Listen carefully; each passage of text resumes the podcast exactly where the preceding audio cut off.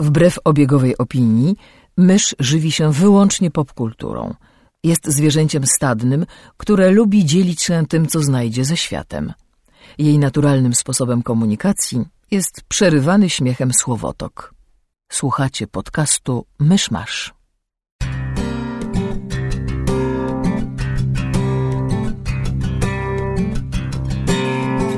Gospodarzami podcastu Myszmasz są Krzysiek Ceran, redaktor portalu Avalon. Kamil Borek ze studia Kobart. i Mysz, autorka bloga Mysza Mówi. Drodzy słuchacze, jest poniedziałek, 19 maja 2014 roku.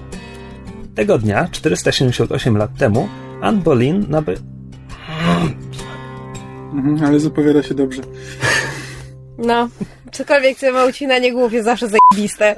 Ojej. Em, od samego początku? Nie, możesz od tam tego dnia czy coś tam. Ja wasn't listening. nie, nie, sorry, ale nie mam zamiaru słuchać twoich zapowiedzi. Ten pan Boję się, co mi to może zrobić na psychikę. Ten pan w słuchawkach na uszach nie słucha. Rozumiem. Mm. Tego dnia, 478 lat temu, Anne Boleyn nabawiła się ciężkiego urazu kręgów szyjnych, który zakończył jej karierę zawodowej królowej Anglii. Zapraszam do 57 odcinka podcastu Myszmasz. Okej, zwracam honor, to było całkiem niezłe. Wasn't as lame as we thought it would be. To dlatego, że ukradłem ten dowcip z Google'a. Jak śmiesz, kradziejstwo. Dobrze. W tym tygodniu przede wszystkim pokończyło się bardzo dużo seriali. A tak, tak, o serialach będziemy, będziemy mówili długo i namiętnie. A co, a najpierw jakiś szybki przegląd tygodnia? To może ja zacznę z grubej rury. No jej, no to zaczynaj. Byłem na powstaniu warszawskim.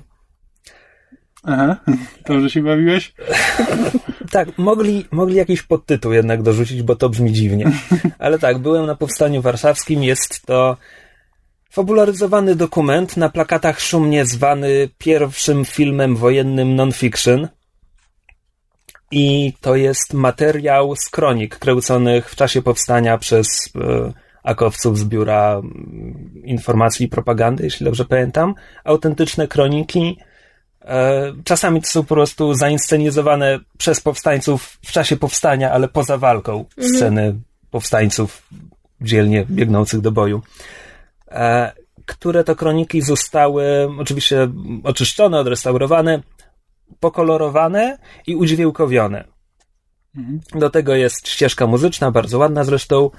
E, I jakby ta dokumentalna część tego no, nie, nie podlega ocenie. Jest, jest, jest niesamowita.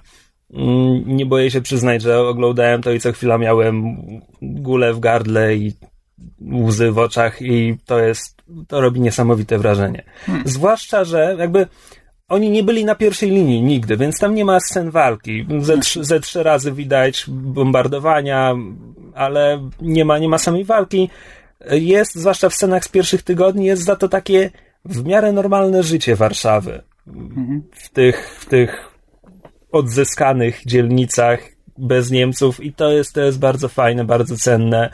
E, są takie sceny, nie wiem, z powstańczej fabryki woj, e, fabryki wojny, fabryki broni, e, z, z powstańczej piekarni.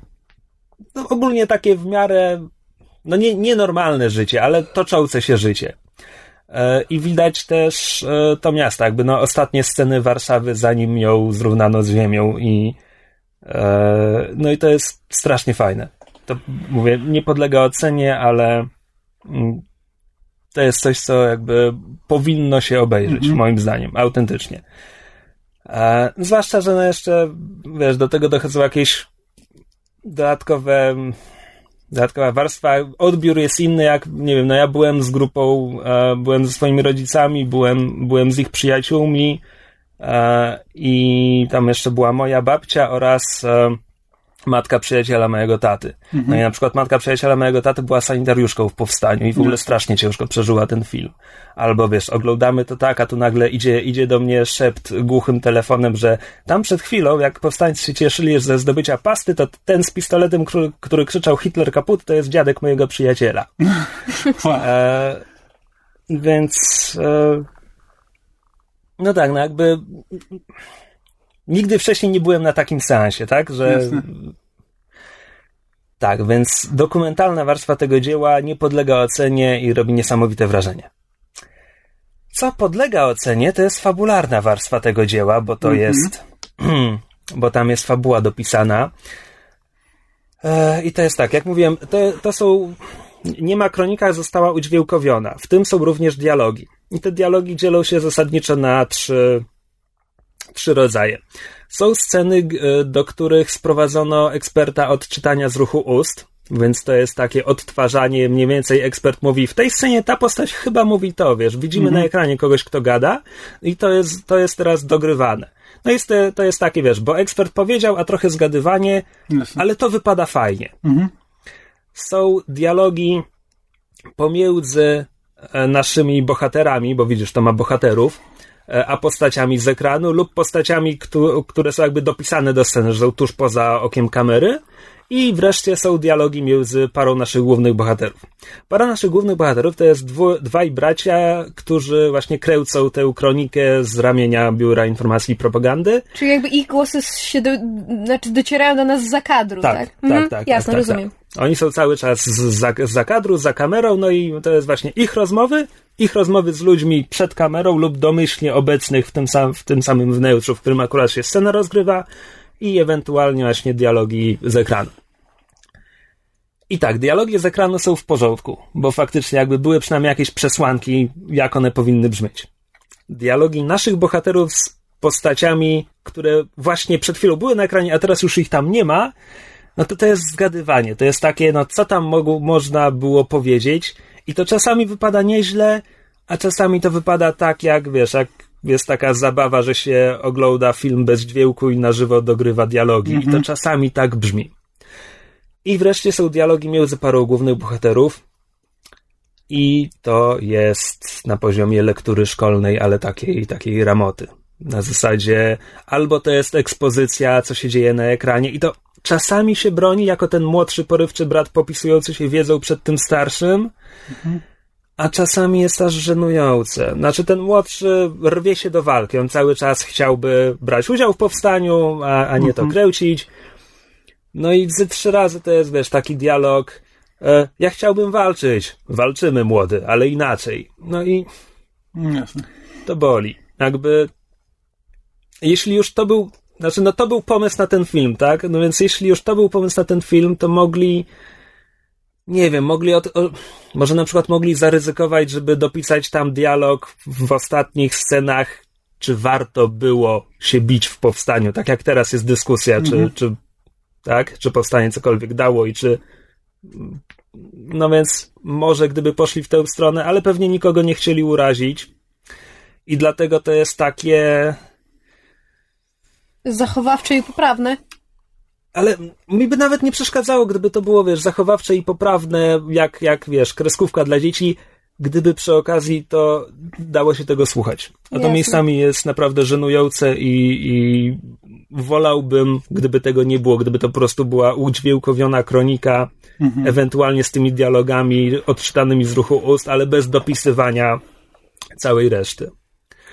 Jest kilka fajnych wymian. No, na przykład jest, jak Rota powraca, że tam ktoś z ekranu pyta tych naszych bohaterów, co tu robią, i zawsze jest odpowiedź, kręcimy kronikę. No jest jedna fajna scena, kiedy właśnie gdzieś maszeruje grupa powstańców i od kogoś stamtąd niby pada pytanie, co nam robicie, robimy kronikę. Po czym zanim powstańcy znikną za kadrem, wraca odpowiedź, a my tu robimy powstanie. I to jest ładny tekst. I to jest chyba jedyny ładny tekst w całym filmie. I ja rozumiem, że założeniem nie jest robienie, wiesz, ładnego filmu, tak? to, to ma być dokument, to macie pokazać powstanie na żywo i, i robi to. Tylko, że ta warstwa fabularna jest słaba. Jasne. Słaba, a miejscami po prostu zła. Mimo to jak najbardziej film polecam, bo to jest coś, no, coś, co robi oszałamiające wrażenie. Dobra, to skoro zacząłem z grubej rury, to teraz coś z zupełnie innej beczki. I porozmawiajmy o y, debiucie myszy jako aktorki dramatycznej. Mocne słowa, co? Jak na pięciolatkę. Jak na pięciolatkę. Zresztą tak brzmi mysz, jak pięciolatka. E, Co jest o tyle ciekawe, że w- tym, o czym zaraz będziemy mówić, brzmi zupełnie jak nie ja. O co chodzi? E, wiele miesięcy temu e, skontaktowali się z nami em, dwaj panowie, którzy e, planowali nagrać pierwsze amatorskie polskie słuchowisko. Takie z, z muzyką, z podkładem muzycznym, oryginalnym, napisanym z oryginalnym scenariuszem, z, ze sporą obsadą głosową. E, I to wszystko w klimatach e, takiego mrocznego fantasy. Barokowego. Barokowe fantazje. Barakowe fantasy. Dobrze. Krzysiek wie lepiej. Jak zawsze. Nie, no bo po prostu się mówi fantazji, to zazwyczaj to jest takie sztuczne średniowiecze, a to jest jakby Tak, barok. tak. Inna, inna trochę epoka. E, I skontaktowali się z nami z pytaniem, czy chciałabym wziąć udział w projekcie Podłożyć jeden z głosów. Czy masz zamiar ich zidentyfikować kiedyś, czy tak będziesz autorzy? Więc pa- panowie, którzy się z nami skontaktowali, to osoby skądinąd znane w, w polskich internetach, e, bo e, Michał Ochnik prowadzi em, bloga Mistycyzm Popkulturowy, e, a Dawid Panasiuk jest em, kompozytorem i jego muzykę można znaleźć w internecie, a wspólnie nagrywają też e, słuchowisko w odcinkach Planetoids. To jest tam e, słuchowisko w klimatach SF, jak wskazuje sama nazwa. No i, i chłopaki się z nami skontaktowali, czy, czy właśnie chciałabym podłożyć swój głos i, i pomóc im w, w dużym właśnie już takim ambitnym projekcie. E, No i się zgodziłam i dzisiaj mm, dzie- dzieło miało premierę. E, Czyli kiedy tego słuchacie, to trzy dni temu? Ja zawsze zapominam, że to jest opóźnieniem. No tak, żebym poza, poza myszą jeszcze tam brał w projekcie, bierze udział, e, jak, to, jak to ujęli sami autorzy słuchowiska Śmietanka polskiego podcastingu. Nie no tak, no, kto tam jest? No bo tam jest e, Manto i Skóra, którzy są znani Nie, chyba nie, z... jakby nie, nie, prze, nie przeczę, po prostu ba, ba, bardzo jest to... Z, Mando i Skóra, jeżeli dobrze pamiętam, oni przede Podniosę. wszystkim pojawiają się w, to się nazywa chyba Stephen King Radio. mhm. E, I, I gdzieś tam jeszcze, ja nie wiem, bo ja nie siedzę w polskiej scenie podcastowej. My nagrywamy podcast, ja ci słucham. są, są tam Tak. prowadzący y, zarówno, y, znaczy y, jest tam, Dż- jest tam Jerry z Jerry's Tales, a także prowadzący podcastów Masa Kultury, podcast O, i właśnie, Masa Kultury. Radio Stephen King. Masa Kultury, to było to, co zapomniałam. Wiedziałam, że jeden z tych największych, Masa Kultury jest rzeczywiście jednym z tych największych podcastów. No. E, I, i dzisiaj miał, e, miało premierę słuchowisko. Słuchowisko nazywa się... I teraz oczywiście mam straszny problem z wymową, bo chłopcy mają własną wymowę, a ja, a ja nie, nigdy nie pamiętam, jaka ona jest poprawna. Mianowicie nazywa się to per, Perdition, czy tam Perdition Księga Kruka. Czy też jak ja, jak ja to nazwam, Perdita, Księga Kruka. To taki pies dalmatyńczyków. Nieważne. No. E, I e, tak, więc jeżeli wpiszecie w, w, Google e, Perdition Księga Kruka, to powinno wam wyskoczyć ewentualnie. Albo możecie pod adresem planetoidspodcast.blogspot.com Tak No jest. to pewnie jeszcze na Facebooka wrzucimy e, Linka. linka. Tak jest. Tak, no i jest to półtora godzinne słuchowisko. No tak, zrobione, zrobione amatorsko. Znaczy, czy, w, sumie, w sumie się przyjemnie słucha. Jest. E, e, bez zastrzeżeń się nie obędzie, ale też. e, Znaczy tak, no umówmy się, że mówimy o czymś, co A zostało zrobione amatorsko, B jest dostępnie bezpłatnie. Tak. C zostało nagrane w 10 różnych miejscach Polski, ponieważ każdy, każda rola, każdy nagrywał swoją rolę W oderwaniu od całej reszty. tak, Tak, Włas, własnym sprzętem, więc są też różnice w jakości dźwięku, też jakby brakuje w tym wszystkim jednak ręki reżysera. Ale biorąc e, pod uwagę, jak to było realizowane, to efekt jest całkiem porządny. Tak, przyzwoicie. I na przykład e, bardzo mi się podobało udźwiękowienie tego, muzyka, Ścieżka- efekty dźwiękowe. Ścieżka dźwiękowa jest naprawdę, byłem pod dużym wrażeniem. Mam problem z jednym segmentem zrealizowanym w konwencji ciężkiego rocka, ale to jakby mój osobisty odbiór. Ale chyba wiem, wiem, o którą scenę ci chodzi. Tak, to tak. czy- Czytając ten fragment tekstu, troszkę inaczej sobie tę scenę wyobrażałam, jeśli chodzi o podkład muzyczny, no ale to już jakby decyzje twórców. E, znaczy, myślę, że jak najbardziej warto się z tym zapoznać, żeby zobaczyć, i, że, że są tego typu inicjatywy na, na polskim rynku czy na polskiej scenie, że, że jak się chce, to można właśnie zrobić mm. amatorskie słuchowisko i naprawdę włożyć w to i czas, i pracy, i sporo wysiłku. Bo mówię, to chłopaki się z nami skontaktowali, nie wiem, pół roku temu, ponad? Mhm. Więc to rzeczywiście zajęło im dużo czasu, no ale nic dziwnego, właśnie biorąc pod uwagę, że musieli z tam dziesięciu nagrań, dziesięciu różnych osób sklecić e, całe słuchowisko i warto, warto się z tym zapoznać, jak najbardziej warto Mamy takie zamiar powiedzieć, promować. o czym to jest, czy po prostu niech każdy sam się przekona? Nie, niech każdy sam się przekona. Jest to mroczne, barokowe fantasy. Ja, ja, mogę, ja mogę, mam przed, mam przed oczami opis ze strony, mogę go przytoczyć. Proszę e, bardzo. Żebyśmy nie, nie, tak, nie, nie męczyli się tutaj sami. E, Perdition, ja będę, ja będę to wymawiał Perdition. E, Księga Kruka przedstawia losy Risaldo, młodego mężczyzny będącego na usługach cesarskiej siatki wywiadowczej. Kiedy monarcha nieomal ginie w skrytobójczym zamachu, Risaldo zostaje wplątany w dworską intrygę, w której nic nie jest takie, jakim się wydaje. Przyjaciele okazują się wrogami, zaciekli przeciwnicy muszą z... Zaciekli przeciwnicy zmuszeni są zawiązywać nieoczekiwane sojusze, zaś bardzo stara i bardzo niebezpieczna magia budzi się do życia. Ale tam jest jeszcze kawałek dalej, ale też sobie... ale to, to wystarczy, to wystarczy, żeby z, pokazać o czym, o czym to jest i z jakim gatunkiem mamy do czynienia. No i tak, no tak jak mówię, no, jest to amatorska produkcja, więc od błędów się nie obejdzie. Nie obejdzie, ale... Tak, ale powtórzyliśmy to już trzy razy i to zaczyna brzmieć jakby słuchowisko składało się z samych błędów, a tak nie jest. Nie, nie jest. Naprawdę można, można posłuchać i to z całkiem dużo dozą przyjemności. To y, skoro jesteśmy przy imponujących soundtrackach i w pół, i półprofesjonalnej grze aktorskiej, y, to ja, obejrzałem, to ja obejrzałem film Labirynt z Davidem Bowie. Ej, to nie było miłe. David Bowie jest fantastycznym aktorem. Nie wiem o co ci chodzi. No. A poza tym nie można porównywać współczesnych ja bym, produkcji do lat 80. Ja bym powiedział, że David Bowie jest fantastyczny, i bywa aktorem. no dobrze, niech ci będzie.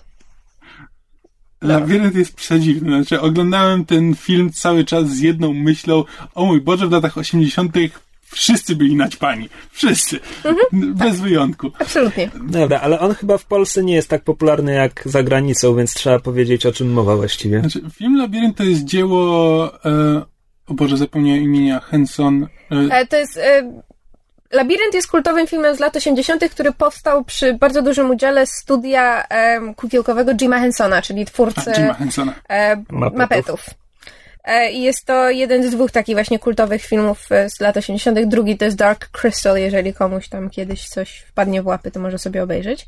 Ale to są właśnie typowe filmy dla, z lat 80., to znaczy e, wystarczy jeden kadr i widzisz, że to jest bardzo stary film, to A, B ma bardzo specyficzny dla lat 80. klimat, C ma bardzo specyficzne dla lat 80. ujęcie tematyki fantazy, e, i po czwarte, jakby efekty specjalne, w cudzysłowie bardzo specjalne, e, są.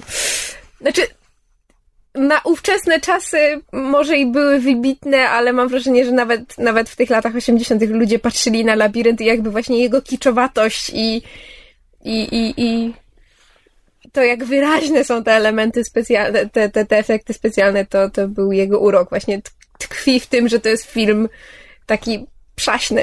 No tak. A jest to gatunek, który w latach 80. był popularny, czyli fantazy z młodym dzieckiem w roli głównej. To jest. E, młode dziecko jest grane przez Jennifer Connelly. E, a historia polega na tym, że Jennifer Connelly musi się zajmować swoim przyszywanym brat, braciszkiem, który tam ma rok, dwa lata e, i, i ją braciszek wkurza, więc ona w którymś momencie mówi, że chciałaby, żeby gobliny zabrały tego braciszka i gobliny zabierają jej tego braciszka, a David Bowie gra w filmie Króla Goblinów. Jaretha. Tak, i daje jej, i ma czas do godziny 13 e, co po angielsku brzmi, e, co miało być magiczne, bo po angielsku to jest ta 13 godzina na zegarze, po polsku no to masz czas do 13. Okej. Okay. Przed obiadem.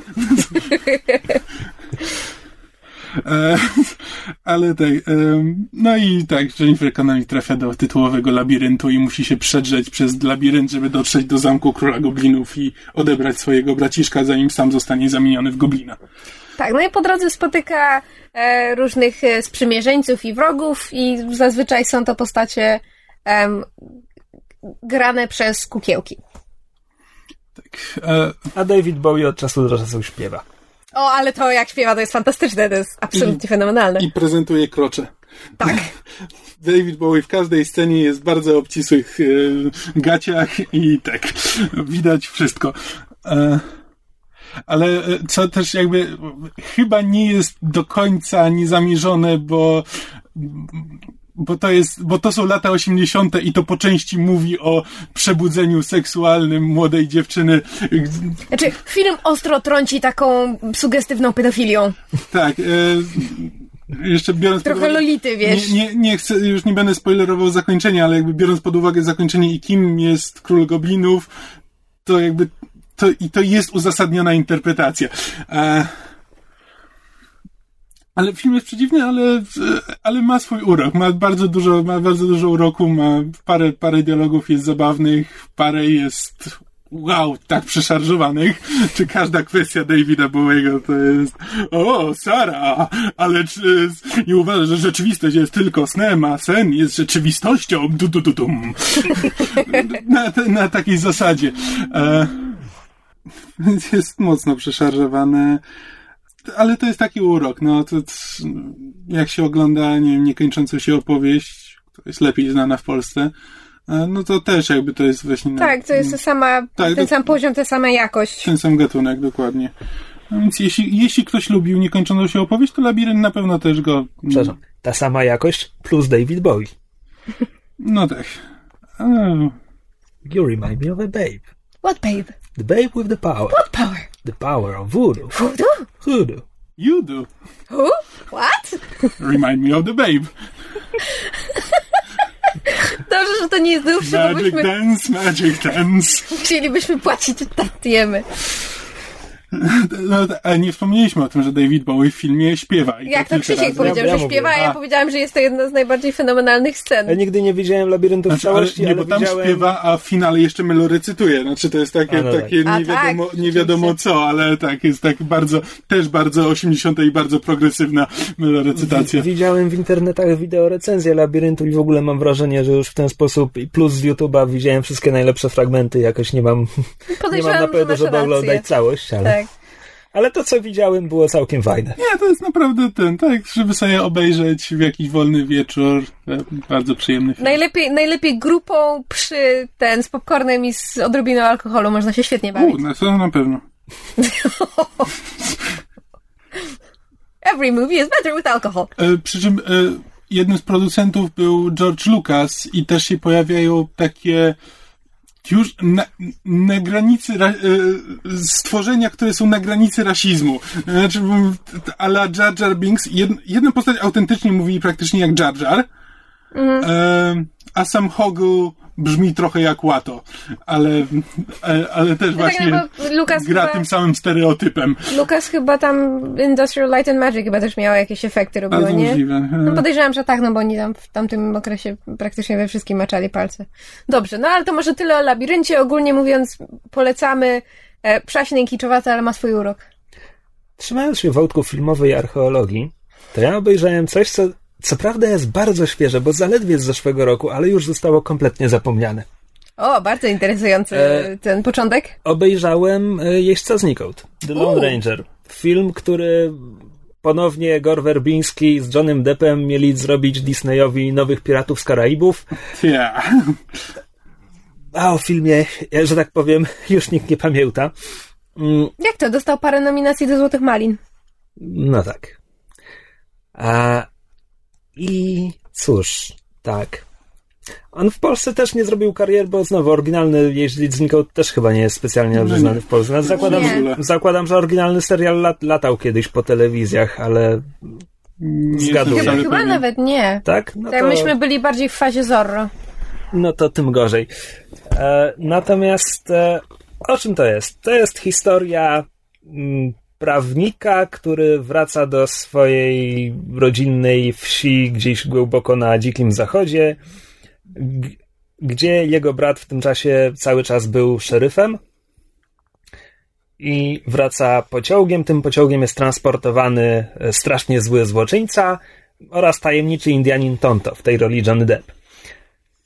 E, no i dość szybko e, strasznie zły złoczyńca ucieka, a nasz bohater zaczyna mm, powiedzmy, że nawiązuje przyjaźń z dziwnym Indianinem, chociaż to nawiązywanie przyjaźni to tak naprawdę trzy czwarte filmu, zanim oni się tolerują choćby.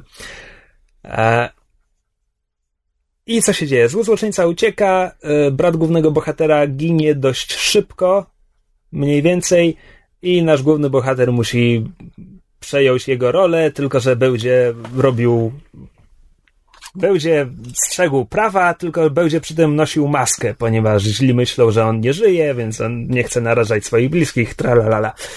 E, kiedy mówię, że e, zły złoczyńca szybko ucieka, a brat głównego bohatera szybko ginie, to to jest szybko w ramach tego, ile jakby ile mocnych punktów fabuły mija do tego momentu. Mhm.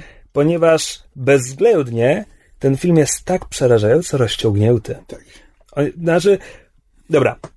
Główni bohaterowie się poznali, zły złoczyńca uciekł. To jest, to jest początek filmu. Tak? Mhm. To jest pół godziny. Mhm. To jest pół godziny. To jest po prostu niewyobrażalne dla mnie. Znaczy, westerny oczywiście jak najbardziej powinny dawać sobie czas na tę kontemplację pustkowi i tak dalej, i tak dalej. ale to nie jest to. Nie jest to. Tak. to nie jest western. To, to nie jest to. Western. Eee... Znaczy, oni przede wszystkim, znaczy, najgorszy, najgorszy grzech to, że oni nakręcili origin story praktycznie przez cały film. Jakby zupełnie niepotrzebnie, bo ta postać nie potrzebuje origin story. Właśnie dlatego, żeby zamiast tego, żeby nie dawać tych pół godziny, tylko od razu wrzucić to i od razu przejść do głównej akcji, a nie zastanawianie się skąd się wziął jeździec znikąd. No znikąd się wziął. E, a propos Zatem Origins... Ja a przepraszam, że ci przerwę, ale tak a propos tego, że skąd się wziął jeździć znikąd, to ja mam pretensje do tego tytułu, bo on nie jest Lone Ranger, on ma tonto i to w ogóle to jest bez sens. sensu. Nie, to ma sens. Ale to jest bez sensu. Nie, to ma sens, ponieważ on rusza z grupą siedmiu rangerów, z których sześciu ginie i on zostaje ostatni, więc on jest Lone Ranger, bo to jest ostatni, który przeżył z tej grupy, E, natomiast tak faktycznie on tak... nigdy nie był sam, bo zawsze był z nim Tonto. I uwaga, to jest coś... Tak jak ostatni samuraj wcale nie jest samurajem. Ale jest ostatni. Aha. E, no w sumie też nie. W każdym razie... No nieważne. W każdym razie e, czytałem o tym filmie na Wikipedii, żeby tam parę rzeczy sprawdzić i jestem zdumiony tego, jak blisko oryginalnej historii ta fabuła jest. W sensie to jest jeden do jednego oryginalna historia wymyślona w latach 30. na potrzeby serialu radiowego. Nie wiesz, czy, czy w latach 30. też była opowiadana przez starego Tonto? E, chyba nie. Tak, tutaj jest taki, taka klamra narracyjna, że całą tę historię 60 lat później od, opowiada stetryczały Tonto małemu dziecku w cyrku, małemu chłopcu. I tutaj to jest główny zarzut do filmu, że to jest zupełnie niewykorzystane, bo to mógłby być fajny zabieg, to, że to, że to jest właśnie y, niewiarygodny narrator. To jest wykorzystane w pewnym momencie. Je, znaczy... Jest, jest wykorzystane, ale na tyle mało, że już zdążyłem zapomnieć, że to Tonto opowiada tę historię. Tak, bo na, znaczy, na przykład mamy y, cieniutką warstewkę mistycyzmu i tak naprawdę film do samego końca nie mówi, czy, czy to prawda, czy to jest tylko wymysł Tonto, który opowiada tę historię i tak dalej, więc to jest fajnie wykorzystane kilka zabawnych scen jest, bo tam e, Johnny Depp parę razy mówi, że ten, ten główny zły jest taki strasznie zły, że cała natura się wykoleiła i rzeczy się dziwne dzieją. E, I to, to daje parę zabawnych scenek z magicznym koniem i krwiożerczymi królikami, które, no, w filmie są krwiożercze króliki. E, to chyba wiem, co będę oglądać w ten weekend. Tylko, że no, problemy pojawiają się ten, ten, film ma wiele problemów. No jest strasznie rozdmuchany, już, już o tym mówiliśmy, mm -hmm. ale też do tego stopnia, że na przykład finał, finał jest całkiem fajny. Tam jest, tam akcja jest całkiem fajnie zaaranżowana, są tam fajne pomysły, tylko to też jest coś strasznie przeciągniętego. Te pociągi to tam jeżdżą jak, jak ta kolejka w kopalni w Indiana Jonesie, bo w pewnym momencie są dwa pociągi na, na dwóch torach, które się krzyżują i mijają. Ja, ja nie wiem, co się dzieje. Tam w ogóle Fizyki to nam nie ma żadnej. E, Te pierwsze pół godziny filmu kończy się e, katastrofą lokomotywy, Tak. której nasi bohaterowie nie mają szans przeżyć. Tak, właśnie o to chodzi, że gdyby to był niewiarygodny narrator, Tak. gdyby oni tym zagrali, to ja byłem w stanie uwierzyć, że oni jakoś to przeżyli, tylko Ton to, to e, tak opowiedział, że to wygląda na to, że oni przeżyli jakąś ogromną katastrofę. Znaczy, to, to wciąż jest wyjaśnienie, które ja jako widz mogę sobie dopisać, że Tak, tylko, ponieważ... ale to nie wynika z filmu. To możesz To nie- sobie sam tak. dopisać, ale Bo to dziecko, które gra. słucha tej opowiadanej historii, parę razy się czepia tonto, że zaraz, to nie mogło być tak, albo czekaj, nie rozumiem, wróć, coś tam. A tego akurat się, tego aspektu się nie czepia. Mhm. A szkoda, bo byłoby fajnie, bo gdyby się czepili, to byłaby, wiesz, byłoby zaznaczone przez twórców, że wiemy, że to jest przerysowane, Tak, i to wtedy, tak od ma razu, być. I wtedy od razu cała, cała reszta akcji w tym filmie też może być y, rozdmuchana. Znaczy i... tak, po prostu było, powinni byli częściej przypominać widzowi o tym, że to jest opowiadane, Nie, że to jest... nie, nie, nie. To akurat Nie? przypominają dość często. Natomiast chodzi mi konkretnie o to, że mały chłopiec czepia się paru rzeczy, ale nie czepia się tego aspektu. Tak, w związku z tym mam przedstawioną przyczep- katastrofę, której bohaterowie nie mogą przeżyć. Nie mogą, bo oni koziołkują, są targani przez ziemię dzie- kilkadziesiąt metrów. Fizycznie nie. A jeśli by przeżyli, to następne trzy lata w szpitalu. I po prostu... Gdyby, gdyby w tym momencie, znaczy, ale też o to, chodzi o to, że gdyby w tym momencie ten chłopczyk się przyczepił, to wtedy ja jestem w stanie też dalej uwierzyć, że cały czas ta, że ta akcja jest po prostu rozdmuchana, bo to jest wyobraźnia, wyobraźnia Tonto i to nie musiało tak wyglądać i wtedy te krzyżujące się tory i pociągi mijające się też byłoby w to łatwiej uwierzyć. A tak to przez to, że jakby człowiek zapomina, że to jest opowiadane przez Tonto, ja, y, autentycznie, nawet zanim z, y, No ale właśnie zapomniałem o tym- oglądając Właśnie oglądając o tym mówię. Tak, tak, Twórcy że- byli, powinni byli częściej przypominać widzowi, że ogląda opowiadaną historię właśnie poprzez A ja, częstsze a, ja wstawianie właśnie, a, ja właśnie tego się, dzieciaka. a ja właśnie się sprzeciwiłem, bo tych wstawek z dzieciakiem jest dość sporo, na tyle, że no ale mówisz, że w tym momencie brakuje, czyli powinna Nie, była być na przykład b- nie, jedna więcej. Brak, nie, brakuje konkretnie aspektu y, zwrócenia uwagi na to, że ta akcja jest tak przerysowana. Zwrócenia, konkretnie w scenariuszu brakuje dialogu między tym chłopcem, że nie no, przesadzasz, coś No na... tak, ja właśnie dokładnie o tym mówię. No dobrze. Nie no, bo mówisz, że brakuje, w- tak jakbyś, że brakuje sceny z chłopcem, podczas gdy tych scen z chłopcem jest na tyle dużo, że zaczęły mnie irytować. Tylko, że są w złych miejscach. No, ale po właśnie prostu o tym i dla, mówię, że dla złego byli- efektu, że są zrobione tylko i wyłącznie No dobra, dla ale- efektu komediowego. Czekaj, ale bo chwyciliśmy się jednej wady, a tam jest jeszcze dużo innych. E, postaci są zarysowane na poziomie kreskówki. Tylko, że to jest, to jest zła kreskówka. Znaczy, to jest kreskówka, w której aktorzy się kompletnie marnują. E, Arnie Hammer, który gra głównego bohatera, e, gra kloc drewna. On nie jest klocem drewna, bo pamiętam go z Social Network, gdzie grał obu braci Winkelwosów i, i był w tym fajny. On jest bardzo fajny w tym e, Mirror Mirror. To jest taki e, o Królewnie da, gra tam księcia i ma fantastyczną rolę. Jest po prostu tak cudowny timing komediowy. A, tak, właśnie w wieściu, w wieściu znikąd gra kloc drewna z dobrym timingiem komediowym. No to Kloc Drewna to nie jego wina. Tak, ale nie to wiem, to wiem. E, może Gor Werbiński po prostu lubi takich głównych bohaterów, bo ma, mieliśmy przecież Orlando Bluma w Piratach. Akurat to była jego wina. Ech, Orlando Bluma. e, Ale nawet gdyby to był lepszy aktor, to wiele z tej roli tak, nie z wyciągnął. całą Też- prawda. Johnny Depp ma parę fajnych scen, ale przez większość filmu gra po prostu jakby ustawienie fabryczne Johnnego Deppa z tej dekady. E, główni źli, u, nigdy nie wiem jak on się wymawia, William Fichtner, Fi- Fichtner, A, a, a, mówisz o aktorze, w sensie... To... aktor, tak.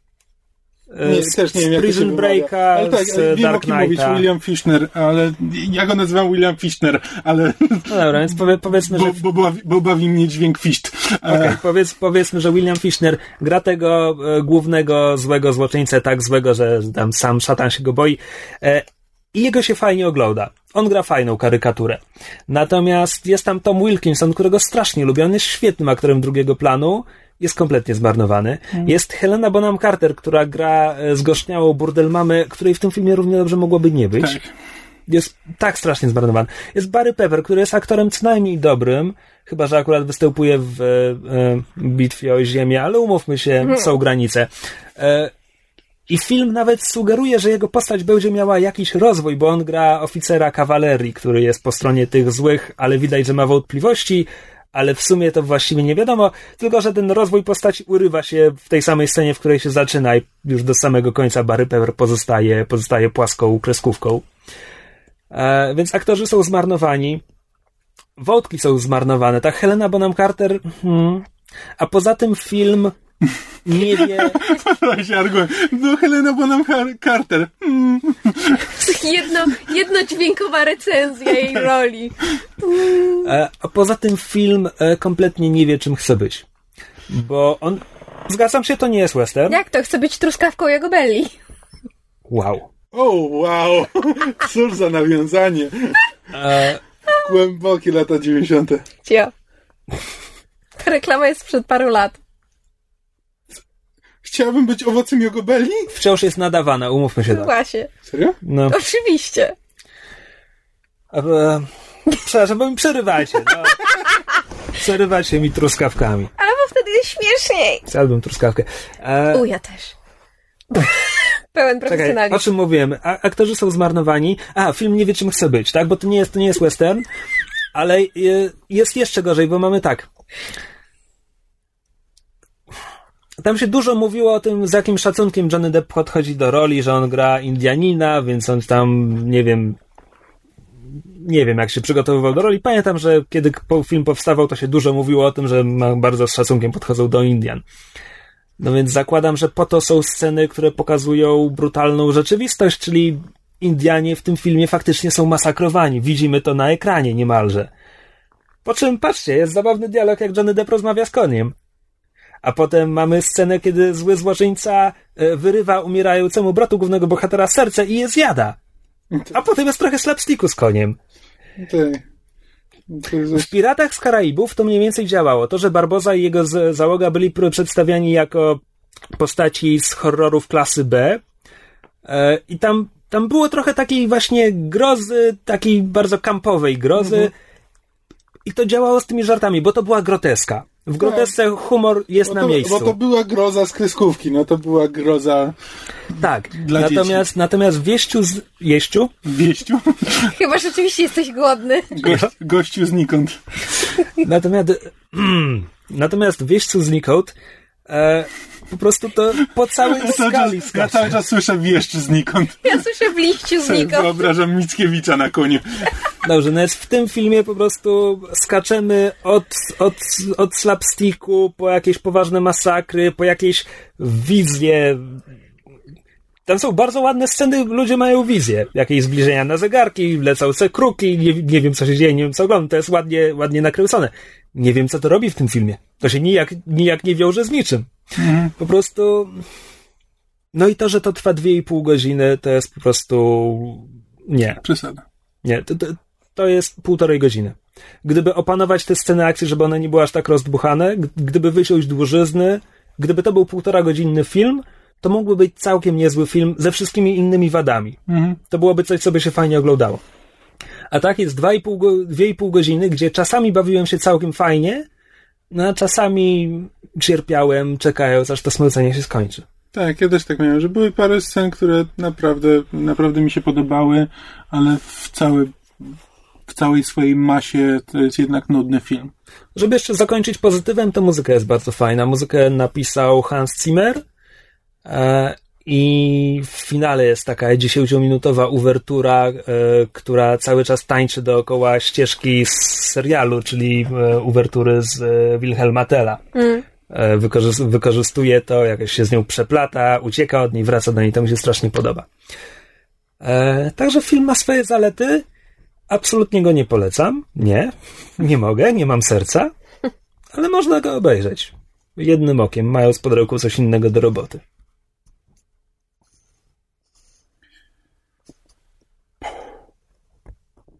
To co?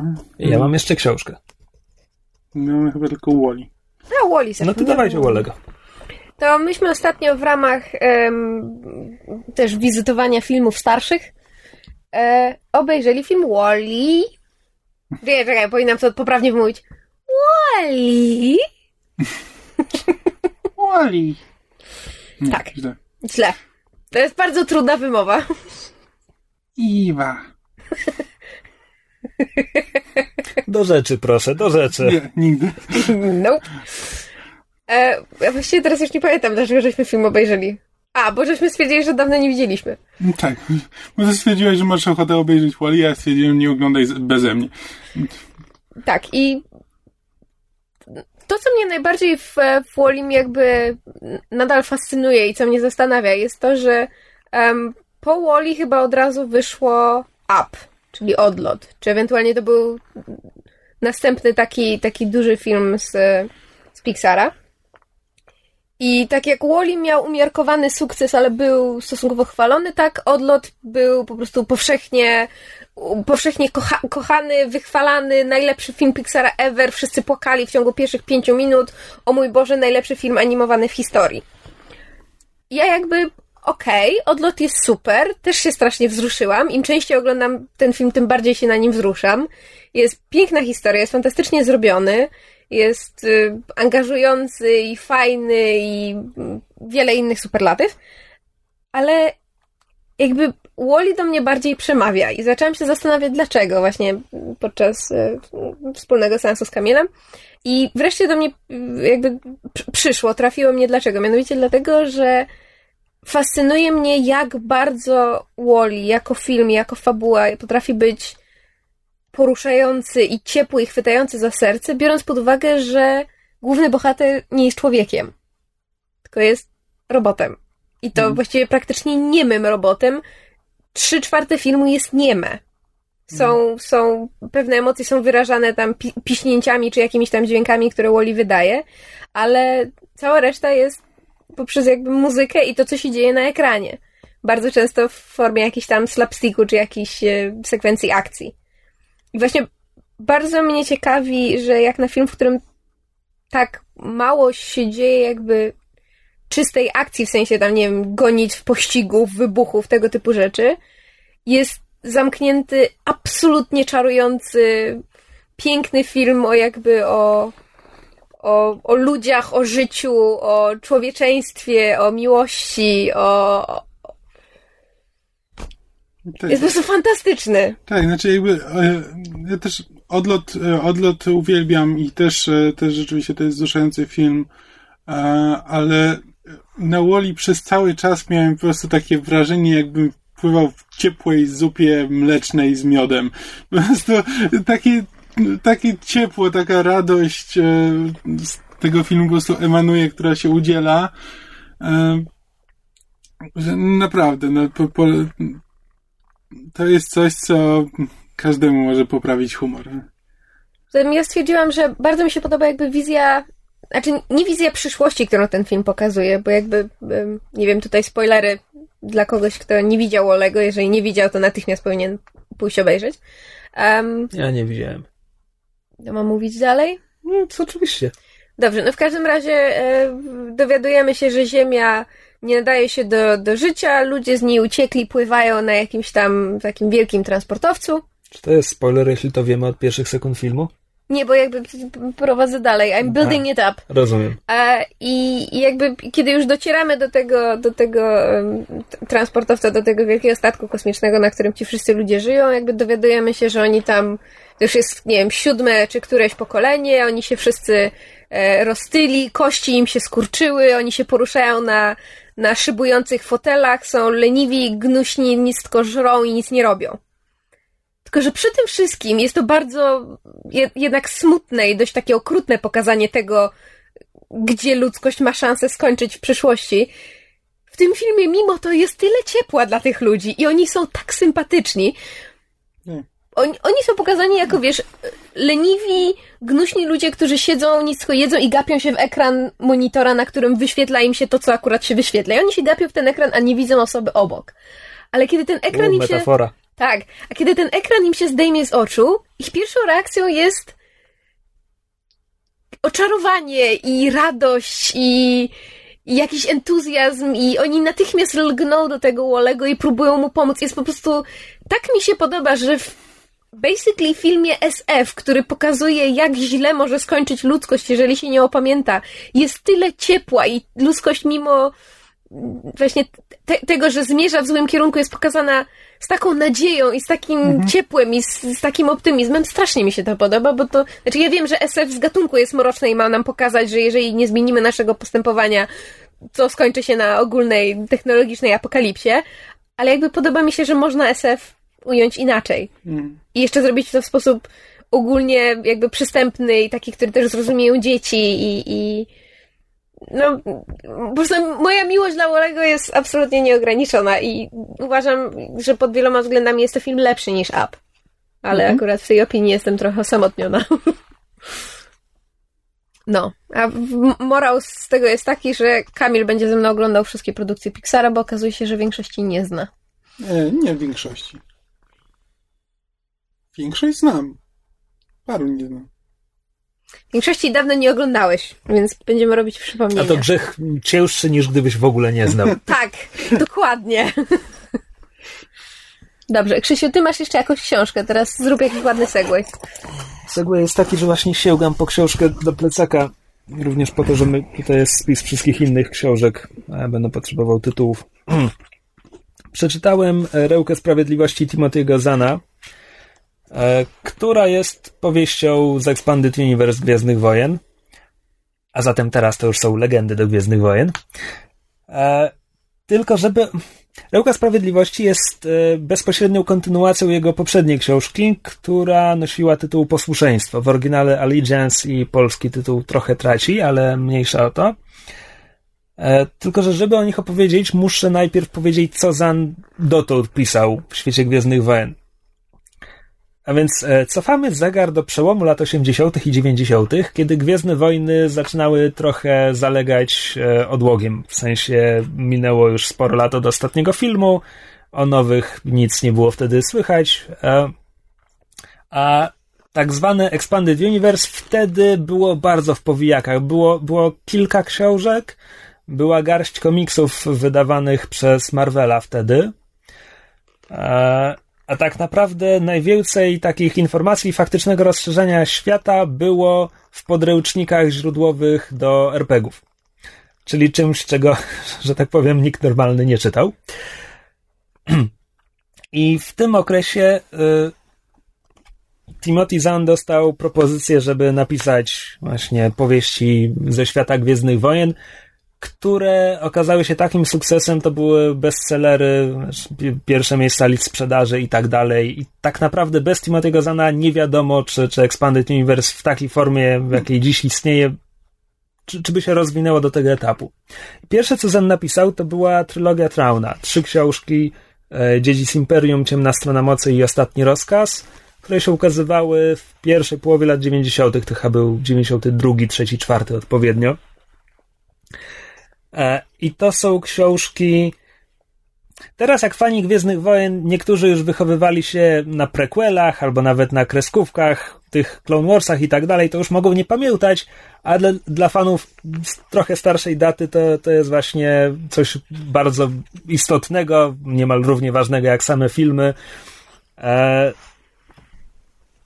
jak się mówi, że fabuła trylogii Trauna to było, no bo pojawia się taki dowódca imperialny, o którym nikt dotąd nie słyszał, który jest takim geniuszem, że ta, ci rebelianci, teraz już Nowa Republika, znowu są pod ścianą, znowu zaczynają przegrywać, to to nie brzmi jakoś specjalnie, zwłaszcza, że potem ukazało się 40 innych fabuł opierających się mniej więcej na tym samym. To znaczy, jest taki imperialny dowódca i on ma jeszcze taką super broń i rebelianci znowu muszą się bronić.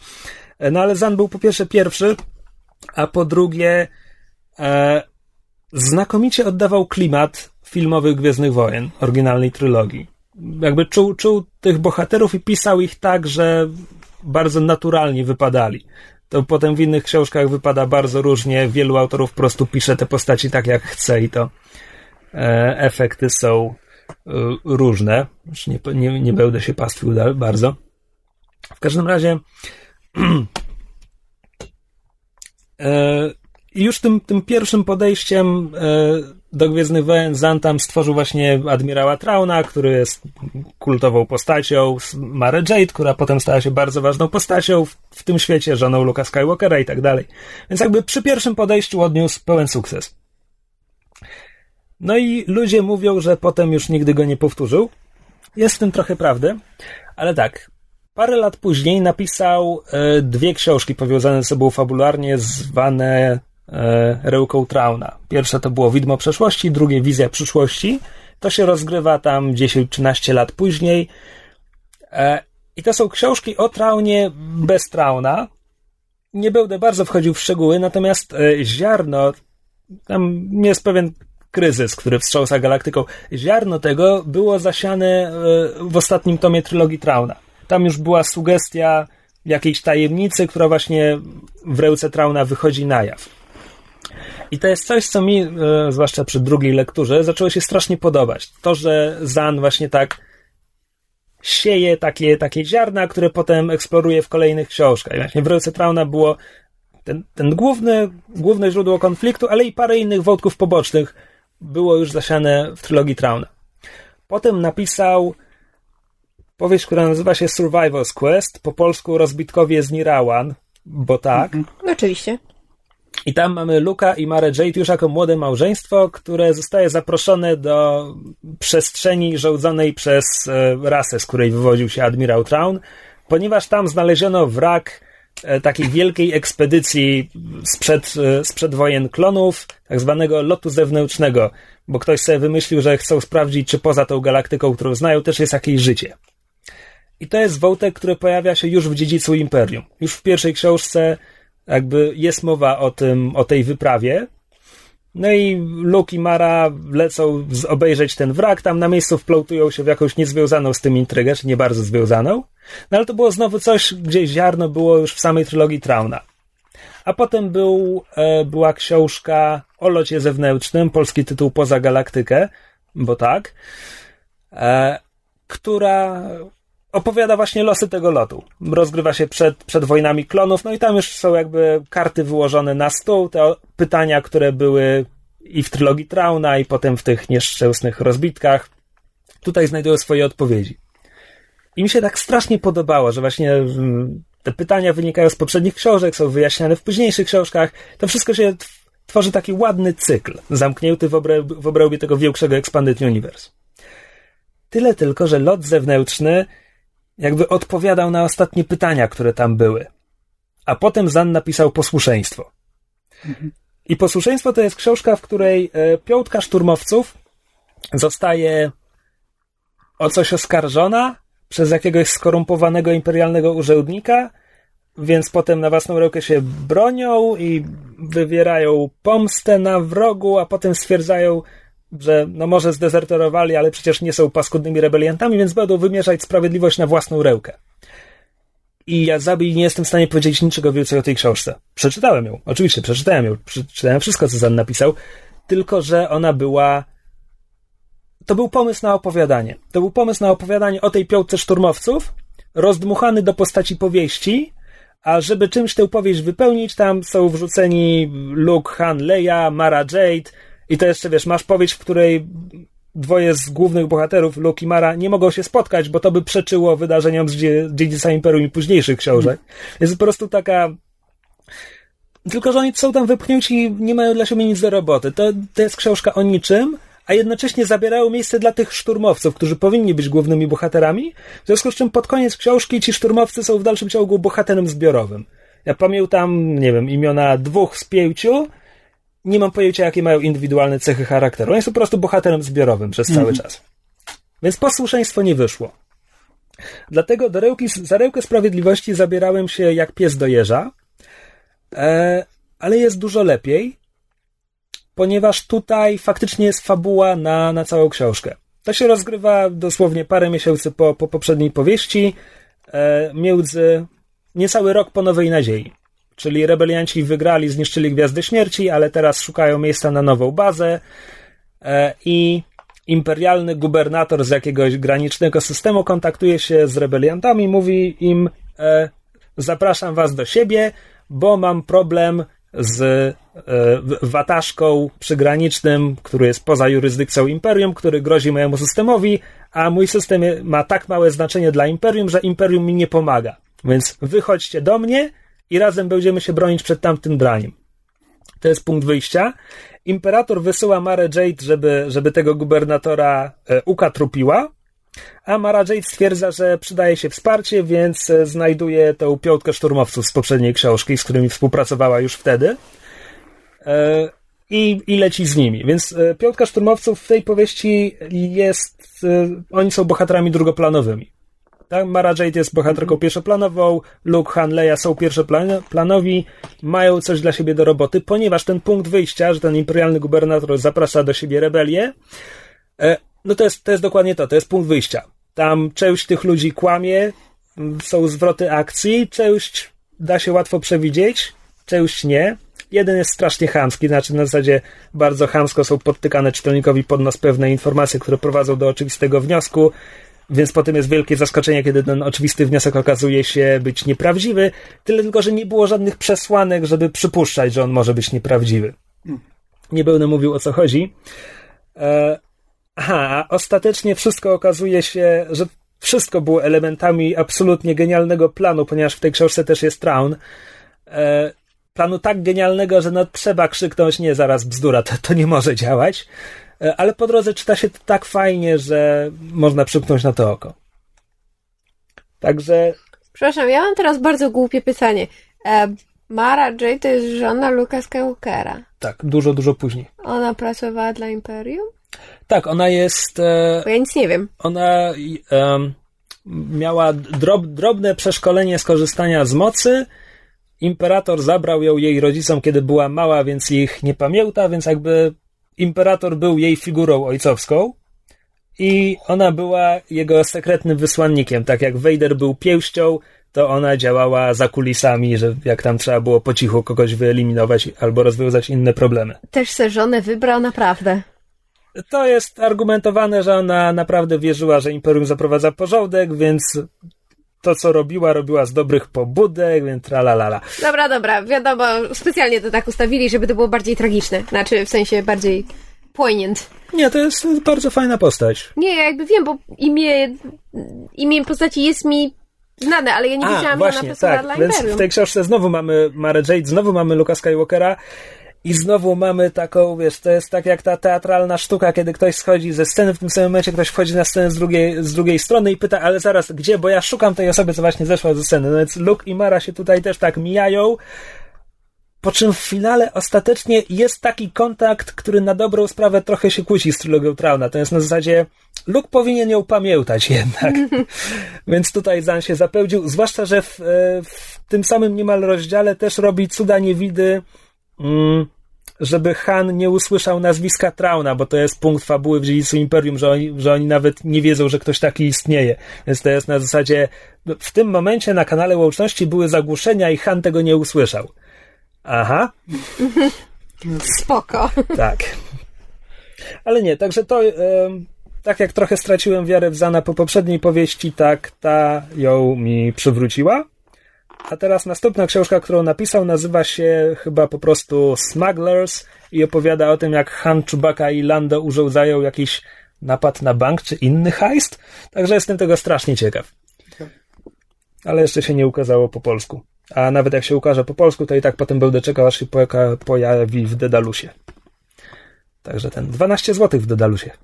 Za 12 zł to naprawdę polecam z całego serca. Za cenę zakładki 40? Uff, Nie bardzo. Nope. źle sobie liczę.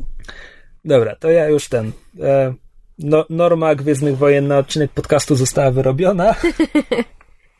To co, przechodzimy do seriali.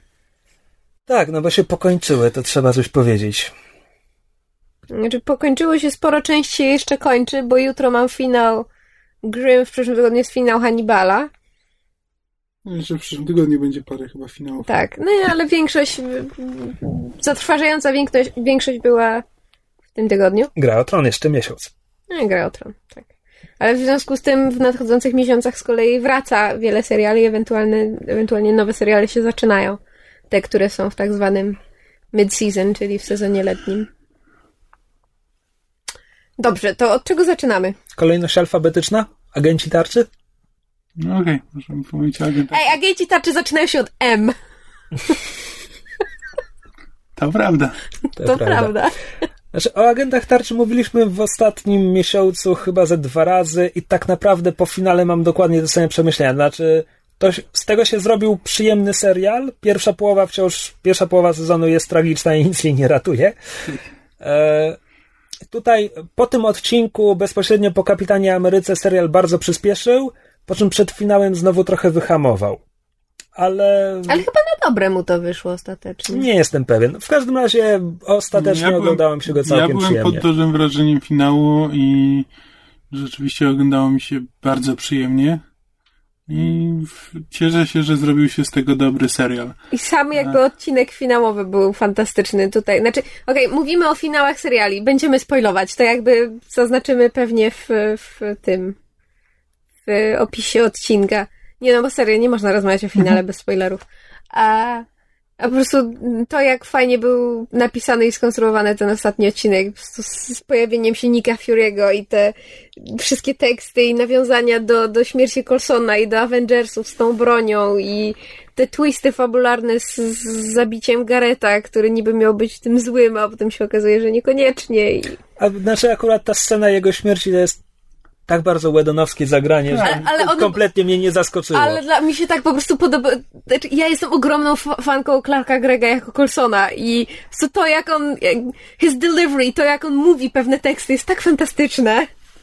Znaczy, to co mi się to, co mam za największą zaletę tego finału, to jest e, starcie, starcie Melindy z Wardem oraz to, że e, Ward nie odkupił swoich grzechów i tak dalej. Mhm. Są tak. sugestie, że tak, może w przyszłości tralalala, ale no, jakby no, ale tak, nie robili tego jasne, na szybko, żeby przed końcem sezonu to A poza zrobić. tym nie mamy czegoś takiego, że jakby wszyscy się ratują, to znaczy cała nasza ekipa przeżywa, ale nie widzimy na koniec e, Fitza, nie wiemy, co się z nim dalej będzie działo. Wiemy, że żyje, ale wiemy też, że um, no jakieś tam um, problemy będzie miał. Dla, dla, mnie to jest trochę wymówka scenarzystów, którzy sami nie wiedzą jeszcze, co z nim zrobić. Ale, ale, ale Joss Whedon jest... przyznał, że oni jeszcze nie wiedzą. W tym, ale to jest przynajmniej, wiesz, tak zrobione na zasadzie nie wiemy, co będziemy robić, ale będziemy ale, próbować. Przepraszam, przepraszam, czy ja mogę jeszcze trochę ponarzekać na serial? Bo a propos rzeczy Joss Whedon przyznał, Przeczytałem ostatnio, że aktor grający Warda dowiedział się, że gra zdrajcę przy kręceniu 11 odcinka. I jakby to mi się nie, nie podoba, takie podejście. Bo tak, tak jak narzekałem na pierwszą połowę sezonu, że tam nie ma żadnych przesłanek, że tam jest zdrajca, no, no nie ma, no bo aktor nie wiedział. Tak. To mi się nie podoba. Hmm. hmm tak, mogli to jakoś rozegrać tak, żeby było. E... A ja mam jeszcze pytanie, bo może ktoś z Was będzie wiedział, bo Wy tam czytacie na różnych forach i stronach. E, ten ten, ten agent, który się pojawia na końcu, ten, którego gra Patton Oswald. Um, Kunik. Kunik, tak. Whedon, na to odpowiadał, że jeszcze, jeszcze nie wiadomo, jeszcze nie są, jeszcze nie mogą powiedzieć, czy to jest właśnie Light Model no, Decoy, czy no to jest klon, czy to jest bliźniak. Wyjaśnienie ekranowe to jest brat bliźniak, tak? Znaczy, tak, złapałam, że taka jest sugestia, tylko właśnie się zastanawiałam, czy to jest... Myślę, no to jest to, że co on Decoy. sam wierzy, ale tak jakby patrząc po nie tak, ale Patrząc myślałam... po minach bohaterów, to oni sami nie są przekonani, że to jest brat bliźniak. Jakieś takie miałem wrażenie, oglądałem tę scenę, miałem wrażenie tak patrząc na Sky i na e, e, i na Colsona, że jakby oni sami tak podejrzewali, że... No ale bo oni myślą, że oni go ożywili ewentualnie, że... że... Ponieważ, ponieważ to jest serial o S.H.I.E.L.D., więc te life model decoys byłyby patrząc na komiksy, są oczywistym wyjaśnieniem, patrząc na rzeczywistość ekranową i że to ma być ten sam świat co filmy, to tak sobie myślę, że androidy idealnie udające ludzi to tak trochę za daleko jednak no. rozwiązanie, za daleko idące w science fiction niż, mm. niż reszta filmów, niż no, reszta uniwersum. No, ale bardzo fajny był ten, znaczy twist, jakby ta ostatnia finałowa scena, kiedy Coulson e, znaczy ostatnie ujęcie to jest na Colsona rysującego te tajemnicze wzory, mm. co to tam jest.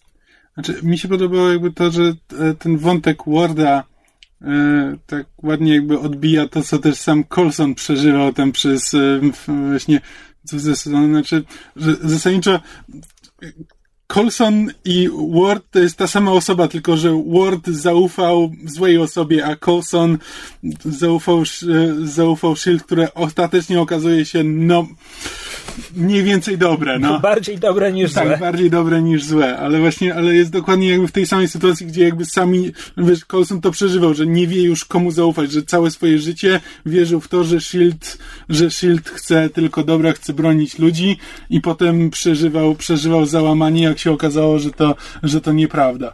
I teraz Ward przechodzi mniej więcej przez to, przez to samo i mam nadzieję, że to, e, że ten wątek jakby pociągnął, jakby, że interakcje właśnie z Colsona i Warda mogą być przez to ciekawsze. Może. Ja mam jeszcze ma malutki problem ogólnie z całym serialem, z całym sezonem, znaczy oni od początku mieli walczyć ze złą organizacją, tak? Na początku to był ten kryptonim Stonoga, potem nie wiadomo, potem jest odkrycie z Kapitana Ameryki, że walczą z Hydrą. No i sprowadzenie tego tak bardzo jedno, jednostkowo do, do Gareta i Warda, e, to zacieśnienie skali jakoś tak mi dziwnie, dziwnie potem wyglądało, że oni, wiesz, to, to nie jest tak, że oni mają przeciwko sobie całą Hydrę, tylko tak naprawdę walczą z tym jednym facetem, nie wiem, czego oczekiwałem, ale jakoś tak. Który na dodatek miał bardzo osobiste motywacje, co dla mnie zawsze jest takim trochę kopautem. To znaczy, ja. Znaczy, to, strasznie nie lubię, kiedy pojawia mi się postać e, złego w serialu i, i on kontroluje jakoś organizację i on tutaj próbuje naszym bohaterom przeszkadzać, a potem się okazuje, że on to wszystko robił tylko właśnie po to, żeby uratować własną skórę. Strasznie tego nie lubię, nie wiem, dlaczego mnie to tak mierzi. Wolałabym, gdyby on był po prostu tym złym, który stwierdził, ja jestem zły, ja, ja, ja, ja przewodzę jakiemuś tam oddziałowi hydry, robię ten, brużdżę, brużdżę dobrym bohaterom i tyle. Nie ma w tym jakby żadnych pobudek oprócz tego, że jestem zły, chcę opanować świat, taki mam cel. Jakoś... Bo to jest po prostu, to jest na siłę próbowanie wytłumaczenia złych zachowań, a jakby nie zawsze jest to uzasadnione, nie zawsze to musi być nie zawsze musimy mieć odkupienie tego złego bohatera, no. Ja się z tobą zgadzam, ale teraz już wchodzisz na temat, o którym będziemy rozmawiali Ups. za chwilę albo w przyszłym tygodniu. Mówiłam, że agenci są na M i powinni być na końcu. No dobra, ale seriale jeszcze dużo, więc wystarczy. Ale poem jest jeszcze Person of Interest, który ja, o którym ja będę opowiadał. U, i Once Upon a Time, o którym ja mówię.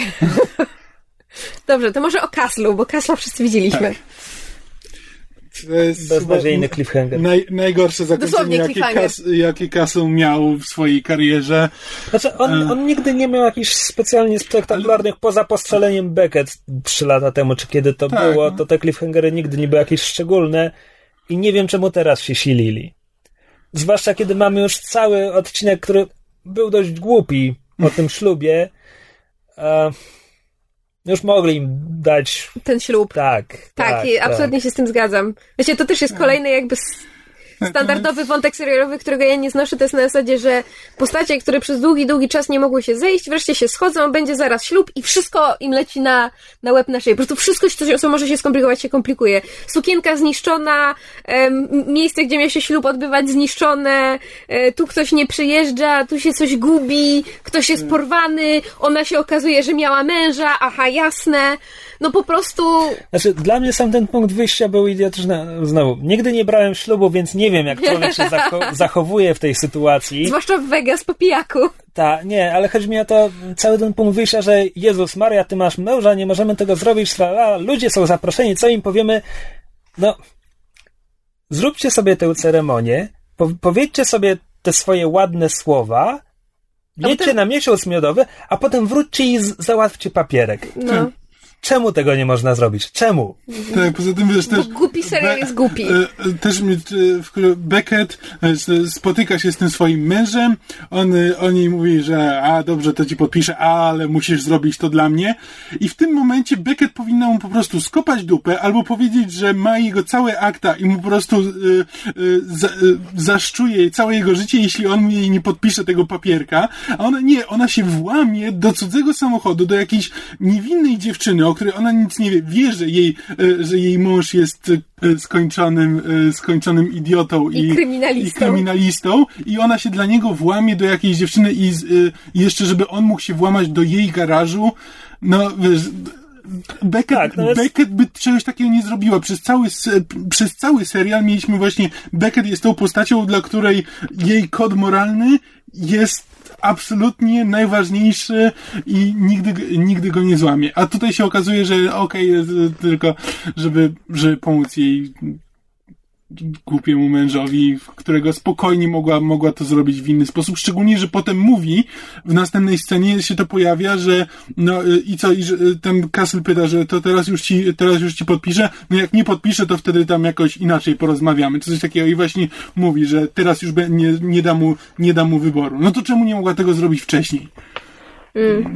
To mnie po prostu strasznie wkurzało. Tak, po prostu to był to nie jest ta postać. głupi finał z jeszcze głupszym cliffhangerem na zakończenie kolejnego sympatycznego sezonu, sympatycznego serialu, przy którym nie trzeba myśleć. Tak, Ja Kasla zawsze, zawsze lubiłem i wszelkie jego, wszelkie głupoty mu wybaczałem, ale tutaj to po prostu są kompletnie niepotrzebne głupoty. Znaczy, ja mam do Kasla bardzo specyficzne podejście, yy, bo, bo to jest serial, w którym właśnie jednocześnie możemy mieć yy, odcinek pod tytułem yy, Bomba zaraz zniszczy Nowy Jork i ratujemy poprzez wyciągnięcie kabelka na chybił trafił.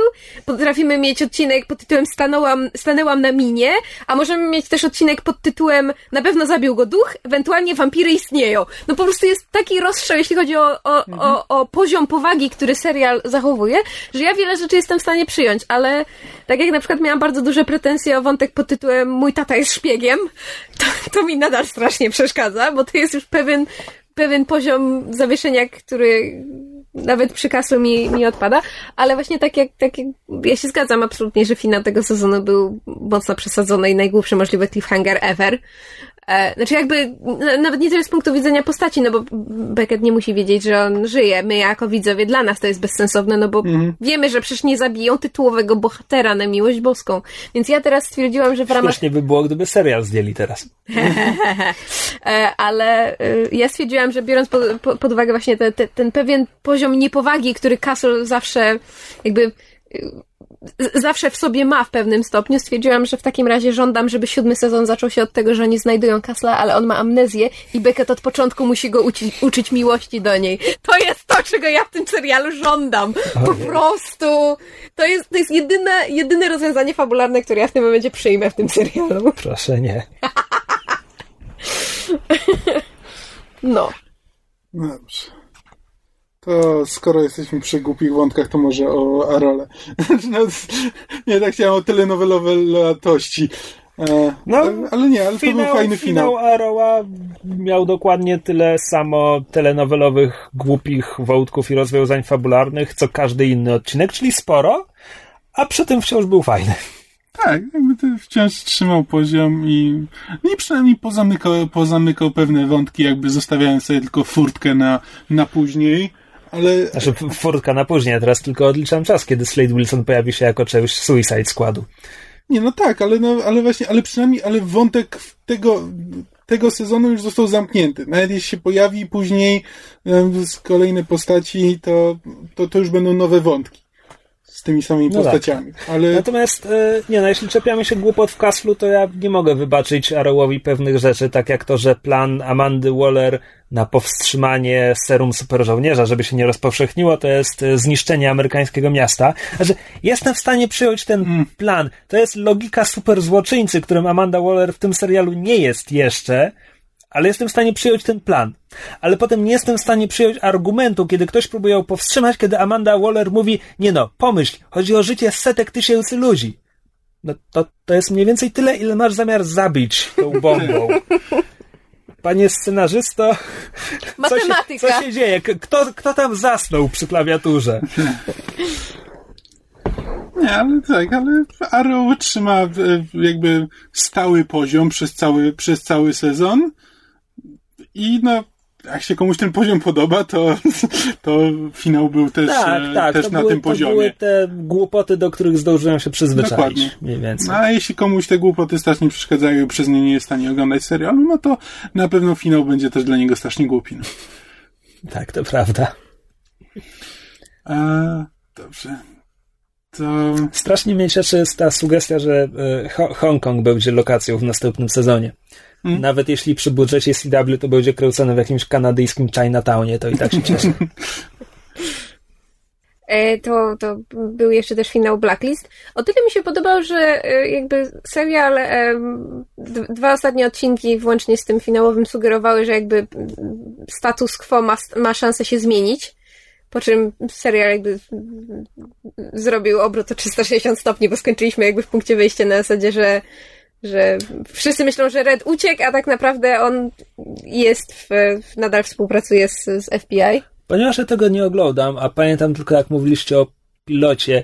E, czy już się okazało, że on jest jej ojcem, czy nie? A właśnie chciałam do tego doprowadzić. Myśmy z Kamilem ostatnio właśnie po obejrzeniu tego finału odbywali bardzo długą i wnikliwą konwersację na temat tego, czy on w końcu jest jej ojcem, czy w końcu nie jest jej ojcem. Bo ostatnia scena serialu dość wyraźnie sugeruje, że on ma wręcz fizyczny związek z jej przyszłością. To znaczy, tam w przeszłości głównej bohaterki był pożar, z którego ktoś się wyniósł. Teoretycznie jej ojciec. I w ostatnia scena serialu pokazuje, że Red ma całe y, za, za, plecy całe pokryte bliznami, wyraźnie jakby wskazując na to. Tak, poparzeniami. Przy czym no, ten serial cały czas takie wątki wprowadza, znaczy, gdzie... My wiemy, że on jest jej ojcem, tylko oni ani razu nam tego nie powiedzieli wprost, nie. a wręcz za każdym razem, jak jest a... pytanie pod tytułem, czy jesteś moim ojcem, to on mówi nie. Tak, on jej powiedział wyraźnie, że ona go zapytała, czy ty jesteś moim ojcem w którymś momencie, bo zaczęła mieć takie wątpliwości. On jej powiedział nie. Twoim no. ojcem jest sam, o którym wiemy w serialu, że jest jej adoptowanym ojcem. On ją adoptował, nie, wychowywał ją. Znaczy, no, tak, ona wie, że ona jest adoptowana. Nie no, wie, że jest adoptowana, ale, ale on jej wtedy nie powiedział, że... To, było takie zdanie, to było na zasadzie nie, twoim ojcem był i zawsze, znaczy jest i zawsze był sam. Zaczynam żałować, że zapytałem. There you go. Nie, ale jakby abstrahując od naszych wykłócań się, które trwają już od paru dni, a właściwie od początku serialu, bo, bo, znaczy, bo różnica polega na tym, że Kamil twierdzi, że on nie powinien być jej ojcem, nie może być, bo to by po prostu serial, który jest naprawdę fajny, jest dobrze zrobiony, jest angażujący, gdyby na koniec się okazało, że on przez cały czas rzeczywiście był jej ojcem, tylko robili nas robili z nas durni, to, to by po prostu umniejszyło całą wartość serialu. Nagle by to się stał totalnie głupim bardzo, serialem. Bardzo skomplikowany podwójny blef, gdzie oni nam wrzucają w, w każdym odcinku sugestię, że on jest jej ojcem, i my mamy w takim razie uwierzyć, że nie no, on nie może być jej ojcem, bo to by było za proste, a oni potem zrobią, że a, jednak on jest jej ojcem. No właśnie, a ja jestem fanką takiej teorii. Podwójne salto logiki po prostu, bo musiał, by, by trzeba było wykonać, co ani nie byłoby dla mnie ciekawe, a nie miałby sensu. No. Znaczy, mi się taki wątek podoba, Kamilowi nie, więc e, na razie oglądamy serial, każdy z innym nastawieniem, tak. ale jakby mimo to serial ma, ma na, nadal jest, jest fantastyczny, serial. miał jest... bardzo dobry finał, który jakby wprowadzał postać e, e, jakby złego i, i, i, był twist związany z tym złym i, i jakby z jednej strony właśnie status quo został zachowany, wróciliśmy do punktu wyjścia, a z drugiej strony jest wiele pytań, na które nie dostaliśmy odpowiedzi i one będą kontynuowane w drugim sezonie. Poza tym, e, Krzysiek, może, może tym cię zainteresuje do serialu, żebyś kiedyś spróbował obejrzeć, bo w głównym złym się ten, e, głównego złego gra Peter Stormar. To jest pewien argument. Tak, to jest, jest fantastycznym aktorem i bardzo, bardzo chcę zobaczyć, jak będzie, jak będzie go odgrywał w, w drugim sezonie. No pytanie tylko jakby w jakim zakresie się będzie pojawiał, no bo to też nie wiadomo. Mhm. Dobrze, to ja tylko szybko jeszcze e, dwa słowa chciałam powiedzieć o Once Upon a Time, bo tylko ja oglądam. Ja mnie kiedyś oglądał, ale przestał. Głupi. Mhm. Jesteś głupi. Tak, wiem. Tak, no. E, więc e, e, Once Upon a Time zakończyło się w dość specyficzny sposób, ponieważ mieliśmy wprowadzoną postać złej czarownicy. Znaczy, naszym złym w tym sezonie była The Wicked Witch of the West z Czarnoksiężnika z Kraineos. Um, I jakby tą postacią też przez przypadek zupełnie nawiązuje do tematu, który mieliśmy jeszcze omawiać na koniec, to znaczy a propos złych bohaterów, bo ona jest typem złego bohatera, który mi się nie podoba, dlatego że to jest ten zły, który nieważne jak próbujemy mu się sprzeciwić, on zawsze wygrywa. Jego zawsze jest na wierzchu, on zawsze miał w rękawie jakiegoś asa, jakiś twist i nieważne jak bardzo byśmy w, w trakcie odcinka byli przekonani o tym, że tak, że naszym bohaterom wreszcie udało się chociaż w minimalnym stopniu um, stanąć na przeszkodzie planom, że chociaż jeden etap tych planów tego złego udało im się um, zni zniwelować czy zniweczyć, okazuje się, że a wcale, że nie, bo to był plan tego złego od początku. To jest po prostu takie hamskie na zasadzie, a to wcale nie było tak, jak myśleliście. Ja strasznie nie lubię takich złych, więc um, bardzo ciężko mi się ten sezon oglądało ale e, warto, warto było dla finału, dlatego że w finale mieliśmy troszeczkę, był e, dwuodcinkowy finał, mieliśmy troszeczkę pierwszy powrót do przyszłości na zasadzie, że główna bohaterka cofa się do przyszłości i przez przypadek staje na przeszkodzie pierwszemu spotkaniu jej rodziców. W związku z tym potem musi ich spiknąć, żeby się jednak narodziła. Chyba widziałem kiedyś film o tym. No właśnie mówię, pierwszy powrót do przyszłości. Aha. Nie słuchasz mnie, prawda? Nie bardzo. No właśnie. Słuchaj, ja o Once Upon a Time nic nie wiem do tego stopnia, że ja nawet nie wiem, czy to się rozgrywa tylko w światach bajkowych, czy to jest Both. w świecie, współ... w świecie współczesnym. Obu bardzo się przeplata i już w połowie pierwszego sezonu sami twórcy zgubili się w swojej chronologii. To jest fantastyczne. To jest serial, to jest taki serial jak Castle, to znaczy oglądasz i nie zastanawiaj się nad tym, co i dlaczego i czy aby na pewno to ma ręce i nogi, po prostu oglądasz. I tyle. E, ale to, co jest e, fantastyczne w, w finale Once Upon a Time, to jest to, że em, serial zrobił właściwie rzecz, moim zdaniem, bezprecedensową, mianowicie em, serial jest robiony przez stację ABC, e, która chyba należy do Disneya. Znaczy, to jest wszystko jakby jedna, jedna rodzina produkcyjna. W związku z tym oni nie mają bardzo ułatwione zadanie pod tytułem a słuchajcie, chcielibyśmy w serialu mieć tam na przykład, nie wiem, e, Piotrusia Pana, czy Alice z Krainy Czarów, czy jakąkolwiek postać, którą Disney ma w swojej stajni, to mają bardzo łatwe, e, bardzo ułatwione uzyskanie praw do nich. W związku z czym w finale Once Upon a Time pojawia się Elsa z Frozen. Filmu, który wyszedł mm, pół roku temu. I to jest niesamowicie szybkie tempo, jak na przejście z e, jakby z, filmu, z postaci z filmu do serialu. Zwłaszcza biorąc pod uwagę, że, że jakby nikt się nie spodziewał tego, że Frozen odniesie taki sukces. I że postać Elsy stanie się w ogóle takim jakby międzynarodowym fenomenem. To jest, to jest postać, na którą jakby widownia filmów Disneya zareagowała w niesamowicie silny sposób, do tego stopnia, że jakby wszelki merchandise z, z postaciami z Frozen, zwłaszcza z Elsą, po prostu znika z półek w takim tempie, że musieli ograniczyć produkcję, bo po prostu Disney nagle zdał sobie sprawę z tego, że, że postać jest wręcz za popularna, po prostu nie wyrabiają się z produkcją, muszą ograniczyć sprzedaż. Aha. Nie, tak. Tak? Właśnie powiedziałeś, że ograniczyć produkcję i mi się już... Przepraszam, sprzedaż. Muszę ograniczyć sprzedaż, li- limitować to, jak, jak sprzedają merchandise, bo po prostu się nie wyrabiają z, z, z produkcją. W tę stronę, przepraszam, zakołapućkałam się. E, i jakby bardzo, znaczy tak jak e, mówiliśmy, że e, zrównanie agentów tarczy z, z filmowym uniwersum Marvela jakby dodało im wiatru w żagle i nagle ten serial stał się fajny od, od momentu jakby em, nawiązania fabularnie do do em, Kapitana Ameryki. tak, Kapitana Ameryki, chciałam powiedzieć Zimowego Żołnierza. E, tak właśnie, jestem bardzo ciekawa tego, jak takie szybkie wprowadzenie tak popularnej postaci do w sumie dość e, średnio popularnego serialu, jaki to może efekt wywołać nie tylko jakby w samym serialu, czy, czy, czy jak bardzo i czy wzrośnie popula- popularność serialu, ale czy w jakikolwiek sposób to wpłynie na jakby na w ogóle właśnie na, na, na koncepcję wprowadzania postaci z, z innych mediów do seriali. Czekaj, czekaj, ja chyba jednak coś wiem o Once Upon a Time. Chyba coś się do mnie przebiło. Czy w tym serialu Mulan jest lesbijką? Tak. Okej, to wiem.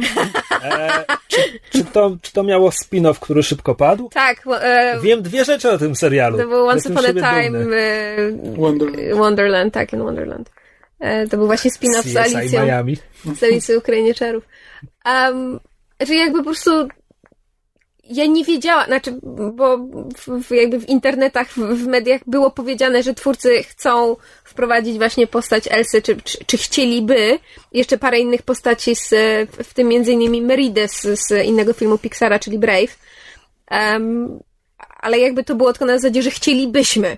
Więc ja kiedy zobaczyłam ten finał i zobaczyłam tę Elsę, która wychodzi z, z tego portalu, to mi szczęka opadła, bo jakby na, naprawdę to jest tak szybkie tempo od wprowadzenia postaci na, na ekran, osiągnięcia przez nią popularności i potem wprowadzenia do serialu, że po, poza tym naprawdę Once Upon a Time nie jest ani Grow Tron, ani żadnym Breaking Bad, to nie jest super wychwalany serial, który ma nie wiadomo ile pieniędzy i, i może sobie pozwolić na, na tego typu zagranie.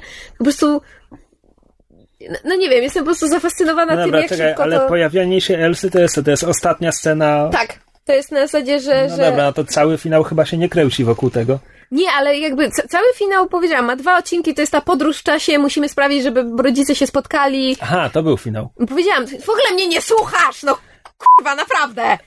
Teraz już się zdenerwowałeś. Ten serial jakby trochę przekracza moje zdolności. Dobrze, nieważne, był poznawcze. dwuodcinkowy podróż w czasie, musimy sprawić, żeby rodzice się spiknęli, to się udało, kończymy na takim w sumie dość, e, szczęśliwym zakończeniu. Wszyscy udało się, jesteśmy szczęśliwi, odetchnęliśmy, zła czarownica pokonana. Tam są jakieś drobne um, scysje jeszcze między bohaterami, ale ogólnie wydaje się, że jest happy end, po czym ostatnie ujęcie to jest ta pojawiająca się znikąd, znaczy po, pojawiająca się z magicznego portalu Elsa i sugestia, że ona będzie tym złym w następnym sezonie, co jest o tyle ciekawe, że jakby Elsa w, też w filmie Frozen jest przez pewien czas tym niezrozumianym antagonistą, więc jestem ciekawa, jak twórcy to zinterpretują w serialu, bo nie mogą z niej zrobić stricte antagonisty, no bo ona jest dobrą postacią w filmie, więc jestem bardzo ciekawa, jak to poprowadzą. I teraz już się zamknę, bo Krzysiek nie denerwuje. Nie, nie, dwa, dwa, dwa pytania. Tak. Czy to był plan tej złej czarownicy z zachodu, żeby ci rodzice się nigdy nie spotkali? Czy...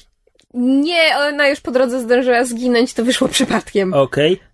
Ona Czyli- zginęła czy- przed finałem. Drugie pytanie. Czyji rodzice? Kto tu jest Głównej bohaterem? bohaterki. I, ale ona też jest postacią z bajki jakiejś, tak? Nie. Właśnie nie. To znaczy, ona się urodziła w bajce, a potem trafiła do naszego świata, więc tak naprawdę jest z naszego świata. Okej. A której She's- bajce? Czy to ma znaczenie? Ona, ona jest córką e, tej Śpiącej Snow Królewny i te Prince Charming. Aha. A, tak, Święcej Królewny. Snow White. Powiedziałam Snow White. Śnieżki. Śnieżka, dziecko, Śnieżka, a nie Śpiąca Królewna. Święcej Królewny. Nie, ty powiedziałeś Śpiącej Królewny, ja powiedziałam Nie, Snow White. Snow White. No naprawdę. Deep. Skończmy tę rozmowę, bo... No, Ale do głowy. Ile to masz sezonów? to był trzeci. To w takim razie, skoro mysz się wypowiadał o serialu, który tylko ona ogląda, to ja się teraz wypowiem o serialu, który tylko ja oglądam z, e, z tutaj obecnych, czyli Person of Interest, które no przez trzy sezony dryfowało tak właśnie w stronę, w stronę science fiction i teraz w, w finale rozwinęło żagle i po prostu poleciało w stronę dystopijnego, e, politycznego science fiction i może mu to wyjść tylko na dobre. E, Sztuczna inteligencja zostaje prezydentem Ameryki? nie do końca, Zgadłeś. ale nie, ale rzeczywiście już jakby widać, że w, bo tutaj jakby wciąż ta sztuczna inteligencja nawet jak była, znaczy, ta, tam są dwie sztuczne inteligencje. Jest, e, jest maszyna, którą stworzył właśnie główny bohater, e, Harold, e, ale jest też, ale jest też tam rządowy, rządowy projekt, znany jako Samaritan, który jest tak, znaczy, sami twórcy mówią, że to nie jest do końca tak, że jedna jest dobra, a druga jest zła, ale w każdym razie mm, jakby już maszyna miała czas na to, żeby e, żeby się jakby uporać ze, swo- ze swoim tam jakimś człowieczeństwem. W każdym razie maszyna jest dobra, Samaritan jest czymś zupełnie, jest czymś zupełnie nowym i nikt nie wie, e, do czego może doprowadzić włączenie, e, włączenie go. Gdyby tylko te SI miały kryptonimy e, Dedal i Ikar, to natychmiast zacząłbym oglądać. Okej? E, Deus Ex. Tak. Finał, finał naprawdę robił wrażenie. Um, no nie wiem, jak to mówić, żeby ten, żeby be, bezspoilerowo, bo nie chcę ten. E, chyba, że wam nie zależy na Ja spoilerach. zapomnę. Nie, autentycznie, może mi ktoś zaspoilował wiele lat temu e, Buffy i przejść tu pod ziemią, wszystko zapomniałam. Nie, no, w każdym razie to jest. E, zaczy, e, ponieważ e, spoiler, ale też ostrzegaliśmy wcześniej, no ponieważ jakby ten sezon kończy się właśnie włączeniem tego Samaritana, e, to e, to właśnie wchodzimy, wchodzimy w jakiś taki dysto, dystopijny science fiction, jakby te wciąż, wciąż bliskiego zasięgu, ale zdecydowanie to już, e, to już poszło dalej niż to, co, niż to, co do tej pory Ale czy ten Samarytanin zdążył coś zrobić, czy tylko go włączyli? Nie, na, na, razie, na razie jeszcze nie. Tylko właśnie po, pomysł, główny zły ma taką motywację, że on chce. E, mm, no nie, to nie jest żadna tajemnica, bo on to jakby mówi od początku. On chce uwolnić AI. On po prostu wierzy, że świat potrzebuje, e, potrzebuje kontroli e, jakiejś istoty, która, która nie jest podatna na emocje i e, nienawiść i tak dalej, tylko To chce jest jedno z zakończeń Deus Exa. chce wprowadzić, tak, chce wprowadzić po prostu logiczne, logiczne rządy e, machin. I on ich nawet nazywa bogami, że on chce, żeby to byli bogowie rządzący, rządzący ludzkością poprzez swoich agentów. Psycho! Tak. E, I to, e, i jestem niesam naprawdę ciekaw, co oni, co oni zrobią z tym. Znaczy, Jonathan Nolan się wypowiadał, że jakby wciąż, wciąż ta główna e, grupa bohaterów będzie ratowała te, te pojedyncze osoby, bo, bo, bo tak jest ich zadanie i ani tego, o tym nigdy nie zapomną.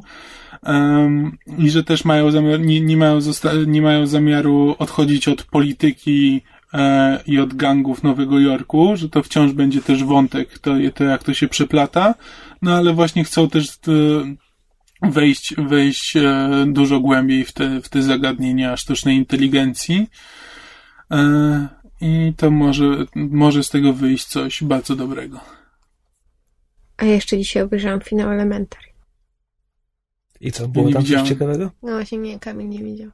Znaczy, nie spoilując Kamilowi, bo Kamil jeszcze nie widział, ale byłam mocno zawiedziona. Hmm. Był taki trochę antyklimatyczny. A to był co, drugi sezon? Drugi sezon, tak. Antyklimatyk. Tak, antyklimatyczny, więc powiedziałam. Antyklimakteryczny. Ja się samo chciałam powiedzieć. Straszne. Cio. Dobrze, ktoś coś jeszcze? Wór z mailami? Wór z mailami. Dostaliśmy maila od słuchaczki, zakładam, e, znanej tylko jako Akedeja. O, ja ją znam, ona u mnie na blogu się często udziela. Akedeja jest strasznie fajna. Okej. Okay. no, tak Prowadzimy wnikliwe dyskusje na temat e, kolejnych odcinków Hannibala. A, rozumiem. E, więc Akedeja pisze. Chodzi mi ostatnio po głowie temat antagonistów i chciałem się spytać.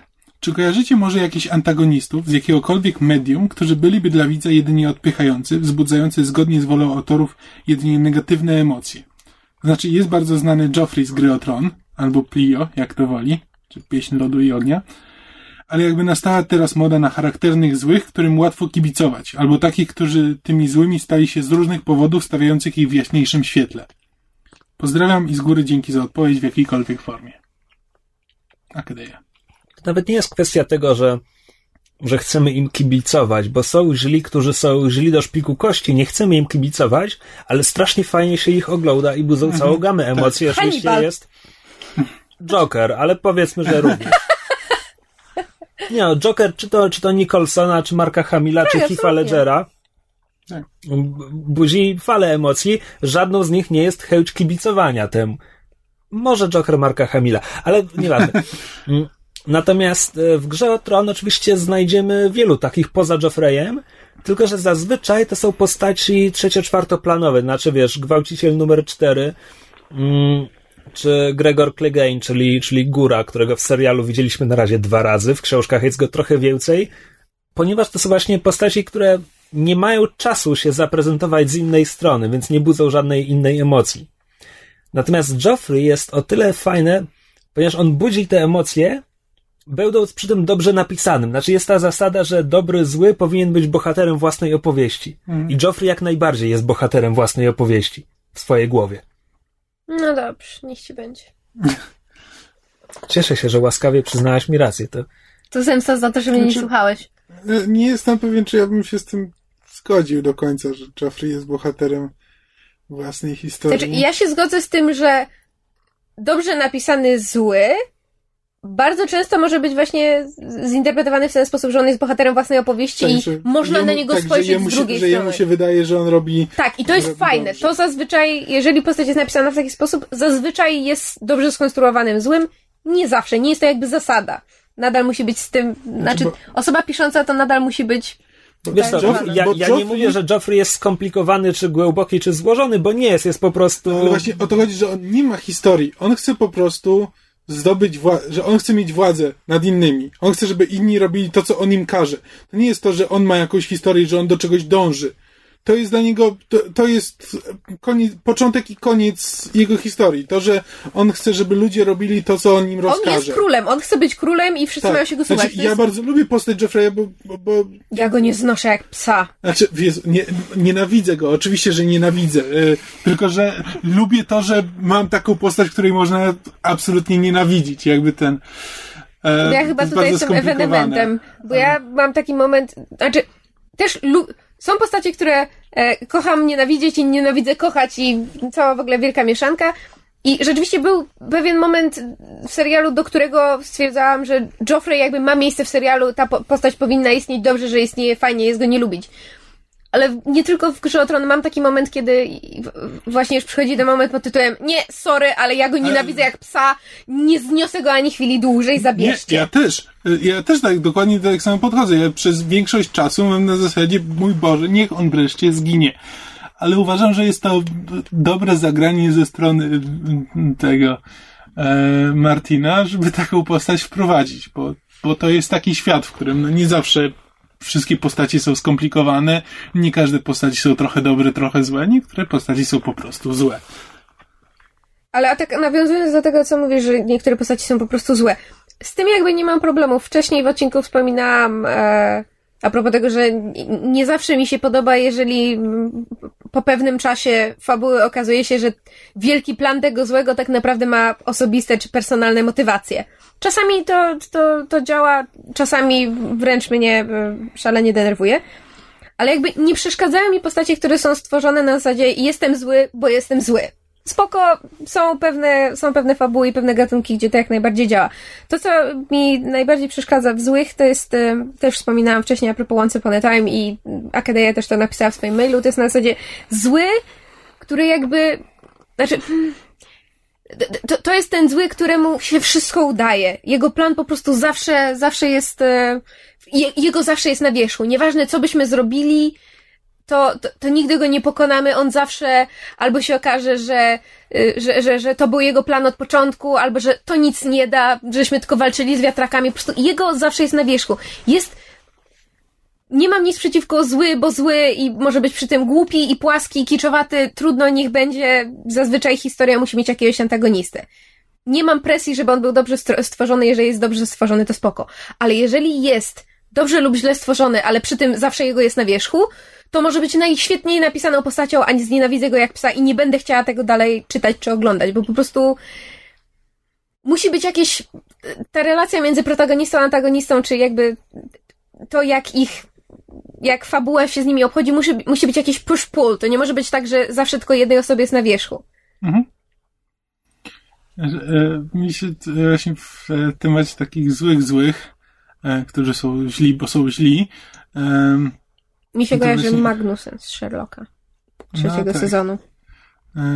Więc kolei się, ponieważ ostatnio właśnie oglądałem The Losers i tam jest właśnie główny zły, jest właśnie takim złym złym, E, który nie ma innej motywacji poza tym, żeby się wzbogacić, e, że on po prostu żyje z, e, ze sprzedawania broni i po prostu chce doprowadzić do wojny, bo, bo będzie mógł sobie sprzedawać broń. Przypomnij mi, bo ja oglądałem ten film, ale to było ładnych parę lat temu, a komiksu nie znam. On ma tam jakiś związek z głównymi bohaterami, osobisty, czy... Znaczy, on ma taki związek, że luzersi zaczynają się od tego, że oni e, nie, że on im rozkazuje e, oznaczyć, oznaczyć teren dla e, zrzutu, e, zrzutu bomby. E, I oni się potem orientują, że tam są jakieś dzieci i próbują odwołać całą akcję. A on e, z, e, a, a on się do nich odzywa, że, że nie, że, z, że on wie i go to nie obchodzi. I jakby od tego się zaczyna i z od tego się zaczyna film, czyli oni go jakby spotykają w pierwszym i oni wiedzą, że jest odpowiedzialni za to, co jakby sprawiło, że oni stali się tymi losersami, za to, że zostali spaleni i musieli, musieli uciekać. E, ale nie, on nie ma jakby osobistego związku w żaden inny sposób, poza tym, że się spotkali, znaczy nawet nie spotkali, bo właśnie o to chodzi, że oni znali tylko jego głos przez, e, przez większość filmu. Okej, okay, czy on jest, on jest taki jak Joffrey, że budzi tylko negatywne emocje? Nie, bo on jest śmieszny. E, on ma, on ma dużo zabawnych tekstów, ale, ale tak, ale ma budzić tylko negatywne emocje na zasadzie, że nie ma w nim nic. E, to nie jest nie postać, ma... która stwor została stworzona po to, żeby kiedykolwiek miała mieć odkupienie. On tak. ma być środkiem tam do jest, celu. Tam jest taka scena, która poniekąd poniekąd bywała w innych filmach, ale gdzie, oni tam idą po plaży, tam po właśnie demonstracji, jak działa bomba, którą on tam próbuje, próbuje sprzedać. Idzie po plaży ze swoim tam pomagierem i tam dyskutują na temat swoich planów, a obok niego idzie jakaś dziewczyna z parasolką, po prostu trzyma, trzyma parasolkę od słońca nad jego głową. I nagle, nagle powiewa powiewa wiatr, ona robi up, ojej, bo jej, yy, bo jej ten, yy, ten parasol prawie wyrwało z ręki, no ale wraca, wraca na pozycję, idą dalej, on bierze po prostu od tego pomagiera pistolet i strzela jej prosto w łeb, bez słowa dalej, dalej idą. Wiesz, tego, tego typu, tego typu postać. Wiesz, Komiksowa wręcz. Tak, no to jest wiesz, taka scena, która, wiesz, ja tam się spodziewałem jeszcze, wiesz, są, są takie sceny w filmach, gdzie po prostu zły zabija, e, zabija swojego pomagiera, ale bardzo mi się podobało, że on nie próbował ani nic śmiesznego potem powiedzieć, tylko nie, po prostu wziął, strzelił, dalej, w ogóle to jest dla niego żadna, e, żadna sprawa, nawet nie, nawet nie na tyle, żeby powiedzieć coś śmiesznego w trakcie. Ale, ale tak, ale postać, postać, jedyne co sprawia, że właśnie, że fajnie się tę postać ogląda, to, że jest, to, że jest zabawna i właśnie też jej interakcje z tym pomagierem są, są zabawne i na, na tym polega, ale poza tym, e, na tym poziomie człowieczeństwa nie ma w nim absolutnie nic, nic dobrego. Tutaj odchodzimy już od właściwego pytania w mailu, ale zacząłem się zastanawiać, czemu właśnie źli są tak często rozbrojani humorem. Na zasadzie masz złego, który nie ma żadnej cechy charakteru. No bo zobacz, ilu masz takich złych, oswajanych humorem. Masz pierwszy przykład, o którym pomyślałem, oczywiście. E, powrót Jedi. Imperator w powrocie Jedi jest na ekranie 5 minut, 10. Nie ma żadnej cechy charakteru. Jest zły, żeby być zły, ale przy tym jest zabawny. On ma, jest zabawny i to miejscami nawet w taki dość głupkowaty sposób, kiedy, kiedy się, wiesz, robi szyderę z luka. Mm. Obawiam się, że ta tarcza będzie w pełni sprawna, kiedy przyjdą tu twoi przyjaciele z rebelii. No, jakieś, jest... nie wiem, nie, nie, imperator nie kojarzy mi się z humorem, prawdę mówiąc. No bo to nie, on, no, to nie jest taki, że wiesz, że, że wybuchniesz śmiechem, ale taki, żeby się uśmiechnąć. No ale Joker odchodził, no to też to samo. Nie no, ale Joker jest jakby zależ, zależnie od e, wersji, sposobu prezentacji i tak dalej, to bywa bardzo złożona postać, więc, mhm. a ja mówię właśnie o kreskówkowo płaskich. Nie, ale na przykład, ale ten Nolana Joker, no to jakby nic o nim nie wiemy, jest po prostu zły, po prostu chce wprowadzić chaos, ale właśnie wszyscy, wszyscy go lubią za to, że głównie jest śmieszny. No, znaczy jest świetnie zagrany oczywiście, ale, ale ma świetne teksty, ma najlepsze teksty w całej trylogii i yy, myślę, że po części to jest, znaczy co najmniej po części to jest jego, na tym polega jego urok. No właśnie zastanawiam się, czy w związku z tym, czy poczucie humoru to jest cecha, którą można dopisać złemu, żeby pozostał zły? Jakby, że to, że to jest coś, co tak, ktoś do szpiku kości zły. Zły, bo jest zły, mimo to może być śmieszny i, i nie przestanie być przez to mniej zły. Wystarczy spojrzeć na Hausa. E, to nie jest, co prawda, nie mówimy tutaj o e, antagoniście żadnym, no ale to jest postać, która, która jest nieprzyjemna. Znaczy, ale przez u, to, że... U Hausa, gdyby nie poczucie humoru, on byłby absolutnie nieznośny. No właśnie, nie dałoby Zarówno się, jako nie dałoby się tego oglądać. Nie oglądałbyś tego serialu. Jakkolwiek on byłby, nie byłby genialny, to gdyby nie to, że jest zabawny w tym, jaki jest... E, opryskliwy. Tak, jaki jest opryskliwy, to, to byś nie dało tego oglądać.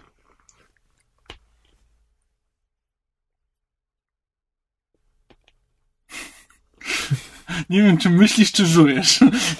Nie, nie mam jak odpowiedzieć, szczerze mówiąc.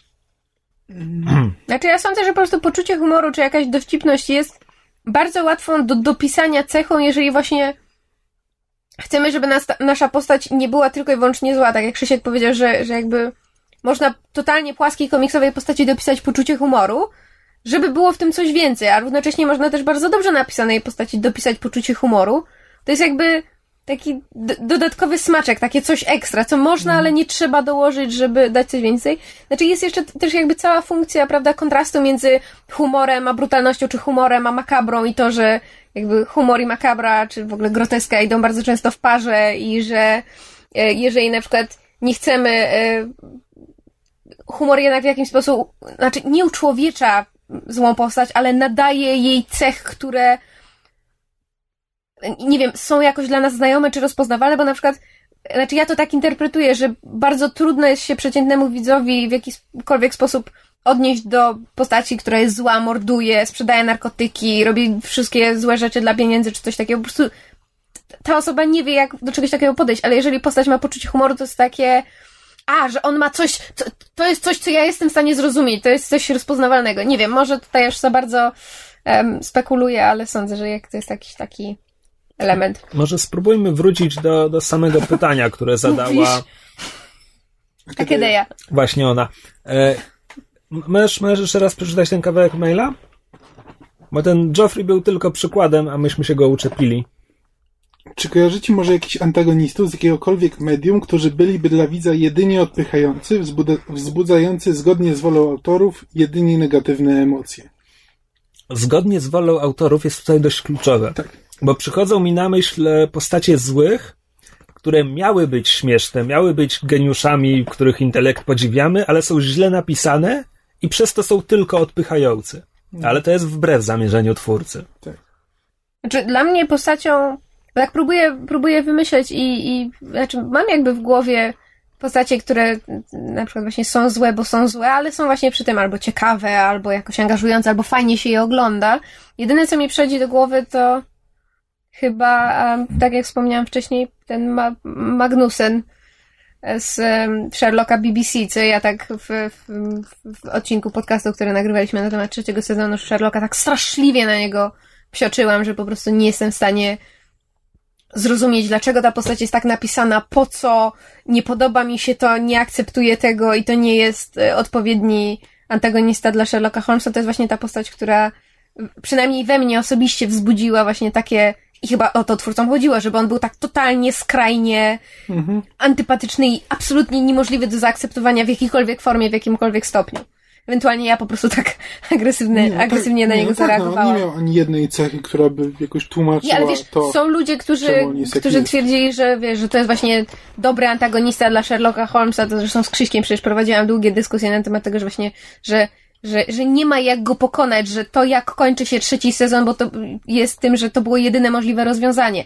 A dla mnie Magnussen był po pierwsze napisany w taki sposób, że nie byłam w stanie go polubić, po trzecie nie mogłam go nawet polubić na zasadzie o, to jest, to jest, to jest dobry, to jest wartościowy antagonista dla Sherlocka Holmesa, po trzecie to był ten zły, którego zawsze było na wierzchu, więc po prostu na trzech różnych poziomach nie byłam w stanie zaakceptować i znieść tej postaci. I to jest chyba dla mnie taka kwintesencja właśnie tego wszystkiego. E, I, i, i właśnie jakby przykład tego, o co się pytała Kedeja. No, Sherlock Holmes w ogóle też, no Moriarty przecież też nie jest postacią, która do czegoś no ale serialowy Moriarty jest, jest jednak. Serialowy Moriarty jest, jest strasznie śmieszny. No, no tak. No ale właśnie to jest to, że on ma coś, co w jakiś no sposób no odkupuje. Znaczy nie odkupuje. Nie był śmieszny, no to. Że nie, byłby serial... ciekawy, byłby, nie wiem, zwariowany, tajemniczy, no jest ileś cech. To może być też trochę kwestia jakby ekspozycji. Tyle, il, ile czasu postać jest na ekranie. No, no nie, nie, nie, może być wyłącznie zły. Dlatego właśnie, kiedy mówię o Grze o Tron, że tam mamy górę Klegana i tam całą masę chciałem powiedzieć bezimiennych gwałcicieli. Oczywiście, że mają imiona. W Grze o Tron każdy ma imię i ród i pociotków. E, tylko, że oni pojawiają się tylko po to, żeby kogoś torturować, zgwałcić, zginąć zazwyczaj. Prędzej mhm. czy później, mimo wszystko, jednak, jednak, e, jednak ich zły koniec spotyka. No i to są ludzie, którzy owszem budzą odrazę, bo to jest ich jedyna funkcja. No tak, tak. Znaczy w ogóle jakby seriale na przykład albo wiesz, Gra o Tron, jakieś takie długie serie mają łatwiej, bo e, mogą właśnie wprowadzić takiego złego, który jest po prostu zły. Mm, no bo na przykład w filmie w filmie to by była po prostu nudna postać. No to jeśli mamy po prostu mamy walkę dobra ze złem, no to to jest nudne, jeśli mamy tylko i wyłącznie Ale zobacz, że to, to, był, to był standard. To był bardzo tak. długo standard. Dzieła sztuki takie jak Komando z Arnoldem Schwarzeneggerem. Hmm. No tam ci ludzie nie mają cech charakteru. Tak, po prostu w którymś momencie to się znudziło. Jak już się takich historii widziało 5000, to zaczyna, zaczyna się to nudzić. No, przy czym no, właśnie w, w grze o Tron no, to można wprowadzić Joffreya, bo on nie jest głównym złym, on nie jest głównym przeciwnikiem mamy, e, mamy całą masę innych konfliktów, a Joffrey po prostu możemy go sobie nienawidzić w tle. Gra o Tron to w ogóle jest dzieło bez głównego no złego. Tak, tak. Um, mi do głowy No, w teraz. serialu chyba nawet bardziej niż w powieściach teraz Ramsey Snow ma, ma chyba zastąpić e, Joffreya, On jest fantastyczny, ja go ubóstwiam. Ale właśnie ludzie reagują tak z jakiegoś powodu. Z tego To powodu, że grający dlatego, że go lubisz aktor... aktora. Nie, nie tylko dlatego. Po, znaczy, okej, inaczej. Ten aktor niesamowicie gra tę postać, ale ja jakby lubię... Nie lubię postaci tylko i wyłącznie ze względu... Nie, nie wiem, jak to Znaczy, wytłumaczyć. książ, książkowy Ramsey dla mnie to jest samo obrzydzenie, odpycha, Mhm. odraza i tak dalej. Tutaj jest znowu... No, ja nie czytam książek. Nie no wiem, czy to więc- kwestia aktora, czy to też kwestia bardziej podejścia do postaci w serialu, chociaż Znaczy, nie, raczej bo aktora, bo on różnica- napisany w serialu jest bardzo podobny. Różnica między Joffreyem a Ramseyem jest taka, że Joffrey jest po prostu nudny, jest po prostu debilem, który, który nie wie, co robi, który nie zdaje sobie w ogóle Znaczy, sprawy z tego, problem co, z z tego, co jest robi. też taki, że on niczego nie robi. On niczego nie robi, Tak. niczego nie osiąga. Jego jedyna aktywność, Tak. aktywne działania to jest znęcanie się nad. Właśnie, jest po prostu, jest nudny, jest głupi jest zły. Ramsey jest zły, ale przy tym jednak e, jest kompletnie porąbany, kompletnie, e, jest kompletnym szaleńcem. Ale w tym szaleństwie inteligentny. jest metoda. Ale wie, co robi. Robi to wszystko w jakimś celu e, i z pełną świadomością. Joffreya wszyscy nienawidzili, bo to było po prostu, wiesz, to, to, że on sobie w ogóle nie zdaje sprawy z tego, co robi i że nie spotykają go żadne To była konsekwencje. bezmyślna siła, Tak. nawet nie siła zła, bo on nic nie robił, ale to było, bez, to było zło bezmyślne. Takim ludzie w ogóle nienawidzą nastolatków, więc Coś w tym jest. Nie bez powodu, umówmy się. no właśnie. E, tak, a, no, a Ramsey właśnie ma, ma coś w sobie, ma właśnie, ma tą iskierkę szaleństwa, ale podpartą no też pe pewnym humorem i dużą inteligencją. Strasznie fajnym złem, ale to znowu jest kwestia tylko i wyłącznie aktora, a nie, a nie tego, jak postać była napisana, nie mówiąc już o książkowym oryginale. Był w pierwszym sezonie Viserys, o którym nikt już nie pamięta, bo to było w pierwszym sezonie dawno temu, No kto tak. to był Viserys. To Ale też była on był- postać, którą ja chciałem, żeby po prostu zginęła. W książce. W książce to była postać, którą ja tylko chciałem, żeby zginęła. W serialu już to nie były tak, tak, tak skrajne emocje. Nie wiem, Znaczy, czemu, może, jego, może kwestia aktora. jego ostatni odcinek, jego ostatnie minuty przed śmiercią to po prostu popis aktorstwa niesamowity. Mhm. Tam jest od emocji w emocje. Tak. On był niesamowicie zagrany. Także to znowu w serialu zupełnie. No nie, nie zupełnie inna postać w książce, ale zdecydowanie serial wartość dodatnia w stosunku tak, do książki. w ogóle jakby właśnie filmy, znaczy wszelkie dzieła audiowizualne mają te, ułatwione, że czasami czasami jadą na charyzmie aktora, że teoretycznie jakby właśnie to samo, że w książce ta sama postać w książce i w filmie e, w książce budzi odrazę, bo nie ma nic, co by ją, co, nic, co by ją ratowało, ale w filmie na tyle lubisz aktora, na tyle ma dużo charyzmy, na tyle jest w stanie sprzedać to, że, e, że warto go polubić, że można, można mu trochę wybaczyć. Zacząłem się zastanawiać, czy e, może któryś przeciwnik Bonda by się łapał i kwalifikował, ale chyba trochę przez konwencję, że Bondy to zawsze był, było, była ta komediowa akcja. Tam nie było takich złych, złych, obrzydliwych chyba. No i tacy typowi źli, ale nie tacy, którzy by odpychali. Byli nudni źli, ale nie było jakichś wybijających się. No ja się też nie pamiętam. No, tośmy sobie pogadali o Bondach. Tak, bardzo ładnie, że porzucił na temat Krzysiu.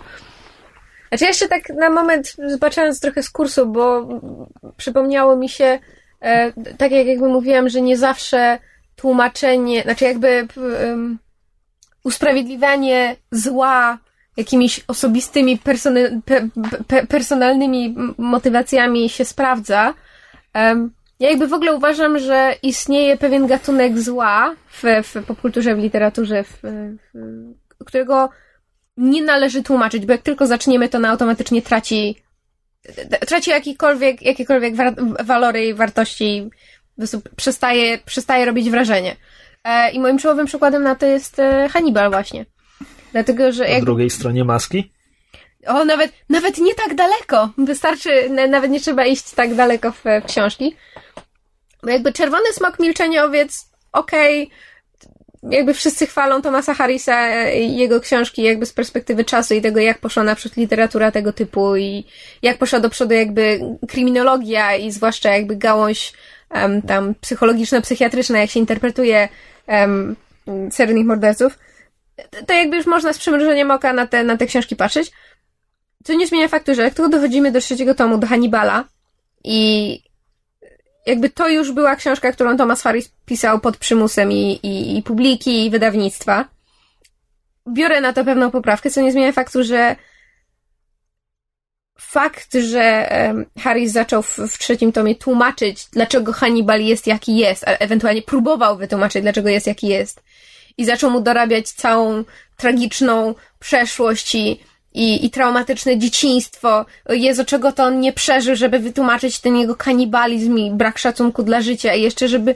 I to, jak próbował wytłumaczyć koniecznie, dlaczego um, Hannibal ma, ma taką bliską relację z, z tą z agentką Clarice Starling. Po prostu każdy, każda informacja, którą Harris w swoich książkach próbował zawrzeć, żeby jakoś podbudować tego Hannibala, dodać mu przeszłości i historii, jakiegoś wytłumaczenia, sprawiała, że ta postać stawała się o, o, o 10 stopni mniej ciekawa, aż ostatecznie po prostu była tylko kolejnym sztampowym, psychopatycznym mordercą, który ma dokładnie takie same pobudki jak każdy inny psychopatyczny morderca w popkulturze. W Hannibalu było fascynujące to, że on był tak jak e, teraz e, interpretują um, twórcy serialu Hannibal, że po prostu Hannibal jest Lucyferem, to jest szatan. Jakby nie ma, nie ma wytłumaczenia, dlaczego on jest zły. On jest zły, on jest kwintesencją zła. Nie ma żadnego powodu, dla którego on jest taki, jaki jest. On po prostu taki jest, to należy zaakceptować. I to mi się podoba. I kiedy to porównuję właśnie z tym, co Harris zrobił z postacią Hannibala w książkach, to jest mi aż, aż przykro, bo po prostu tak, mhm. tak dobrą postać znaczy, tak zepsuć. To, to, też jest jakby pewna ważna, ważna cecha dobrego, złego, że musi, musi być w pewnym stopniu tajemniczy, bo jak go odzieramy ze wszelkich tajemnic, to zaczyna się robić nudny. Innym przykładem jest e, Lord Vader. No, coś tak czułam, że zboczymy w tym kierunku. Nie no, jest fajny, zły, który zostaje odkupiony, jest zupełnie inna kategoria złego i tak dalej. No ale jak nam prequele wyjaśniają czemu i jak, znaczy to nie jest tak, że samo wyjaśnienie zabija postać, to aktorstwo, jest kwestia tak, tego. Nie, nie, nie, nie aktorstwo, tylko to, jak to wyjaśnienie zostaje podane. Mm. Ale no tak, to jest zdecydowanie sytuacja, gdy dowiedzieliśmy się rzeczy o złych, których wolelibyśmy nie wiedzieć. Tak, no, no właśnie Darth Vader był no, Darth Vader był ulubieńcem od samego początku, no, od, od czwartego epizodu, bo właśnie, bo nikt nic o nim nie wiedział. Po prostu był fajny, zły, przerażający zły, o którym nic nie wiadomo. I do tego momentu był fajny. A jak, jak tylko go wyjaśnili, magia prysła. Znaczy jakby wyjaśnili, umówmy się, e, Vader jest zły, znaczy Vader jest fantastyczną postacią przez całą, dla mnie przynajmniej przez całą jakby y, starą trylogię, to znaczy to, że się dowiadujemy, że do, do, do, do, I'm your father, to nie jest dla mnie jakby, to go w żaden stopniu nie umniejsza. To jest właśnie ten taki mały szczegół, który dodaje do postaci i sprawia, że jego późniejsze odkupienie jest właśnie nie, wartościowe. Tak, to są tylko, nie no, pewnie jakieś tam pewne drobne informacje na temat właśnie jego przeszłości można, żeby, żeby sobie właśnie, żeby pobudzić e, wyobraźni, co, co się mogło, co się mogło przydarzyć. właśnie zastanawiam się, jaki jest i ile wytłumaczeń jesteśmy w stanie zaakceptować przy, przy złej postaci, które, e, znaczy inaczej, w wypadku, gdzie mamy złą postać, która ma być odkupiona, ile informacji z jej przeszłości jesteśmy w stanie przyjąć, zanim to się właśnie stanie za dużo, za bardzo wytłumaczone. Bo tak jak właśnie dostajemy parę, szczeg- no dosłownie tam dwie czy trzy informacje o Wejderze w starej trylogii jest oh, to jego ojciec, o Jezu, to jest takie smutne, odkupili go wspaniale, fantastycznie w ogóle, hura i fajerwerki. A jak już dostajemy za dużo informacji Dosłownie, w nowej trylogii... ponieważ to film George'a Lucasa. Tak, oczywiście. A w nowej trylogii, jak już dostajemy tych informacji za dużo, jeszcze na dodatek podane są w takiej, a nie innej formie, no to to już po prostu te postaci niszczy i to już tak właściwie Be, be, e, zabiera to odkupienie. To jest postać, której nie można odkupić, bo ją totalnie spieprzyli. A właśnie to, to, to na przykład było fajnie, fajnie wykorzystane u Nolana z Jokerem, gdzie właśnie, gdzie on tam tłumaczy, że o, mój ojciec kiedyś tam przyszedł i uh, why so serious i przeciął mi ten, e, okej, okay, no dowiedzieliśmy się, no dobrze, ojciec, e, ten ojciec e, się na, na nim wyżywał, więc jest teraz zły. Po czym nagle się tam jakiś czas później się dowiadujemy, zupełnie dostajemy zupełnie inną historię. Okej, okay, jednak znowu jestem zainteresowany tą postacią. Tak, to był, to był fajny myk. Ale to jest tak, właśnie utrzymywanie tej tajemnicy. Joker nadal. jest o tyle ciekawy. Joker zazwyczaj nie ma historii. W mhm. komiksach tam jest zazwyczaj trop, że mógł być tym, ale to wcale nie jest pewne i tak dalej. E, to samo było w filmach i jakby we wszystkich współczesnych wersjach, które kojarzę, tak jest. Poza filmem Bartona, w którym jest Origin Jokera, którym doskonale wiemy, kim Joker jest, kim mhm. Joker był, zanim stał się Jokerem. A mimo to on tam działał. Czy prawdę mówiąc, nie pamiętam. E, dawno oglądałem. Ale to jest chyba nie pamiętam, kim był, Jokera. kim był Joker. E, gangsterem o imieniu Jack Napier, który bije się z Batmanem podczas napadu na fabrykę, żeby zniszczyć jakieś dokumenty, nie pamiętam o co. I wpada do. I w czasie walki wpada do Kazi. No to nic nie tłumaczy o nim. Nie no, tak naprawdę przede wszystkim wiemy, że był, był zły zanim stał się Jokerem. No tak, no właśnie. Był jakimś tam nie, gangsterkiem. Dlatego to nie jest próba wytłumaczenia, czemu Joker jest taki, jaki jest. No. Nie, czekaj, ojej, zapomniałem na, o najważniejszym. Zabił jego rodziców. Zabił jego rodziców w filmie Bartona. Serio? Tak. Tak. O, tak, jako, jako, młody, jako młody morderca, tak młody gangster zabija Ale rodziców widzisz, to, to nadal nie jest wytłumaczenie, tak bo gdybyśmy, no, to, że... gdybyśmy chcieli uzyskać tak prawdziwe wytłumaczenie, to musielibyśmy się dowiedzieć, dlaczego młody John Napier stał się... Jack. Jack, przepraszam.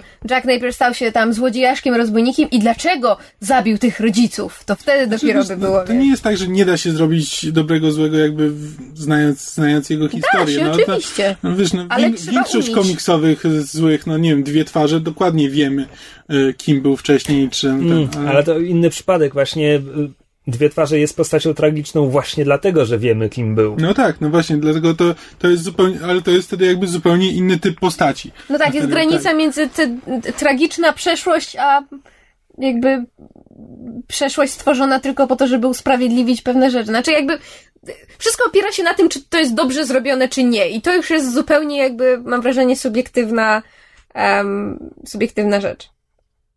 Kamil się na mnie patrzy z niezrozumieniem. Nie, nie, nie. Po prostu sam się zastanawiam. Po prostu zastanawiam się, na, na ile to działa na, e, na ile ma znaczenie tutaj kolejność? Czy jeśli poznajemy najpierw złego jako, jako zwykłą, tam, zwykłego człowieka i potem on się staje zły. Znaczy oglądamy origin to, to jest, story tak, zła. To, to jest w miarę interesujące. Natomiast jeśli znamy tego złego jako właśnie tajemniczego, e, tajemniczego złego, o którym nic nie wiemy i widzieliśmy już co zrobił na ekranie i potem dopiero dowiadujemy się, że to wszystko dlatego, że że mama mu prała białe, białe gacie z czerwonymi i musiał chodzić w różowych, no to nie wiem, przepraszam.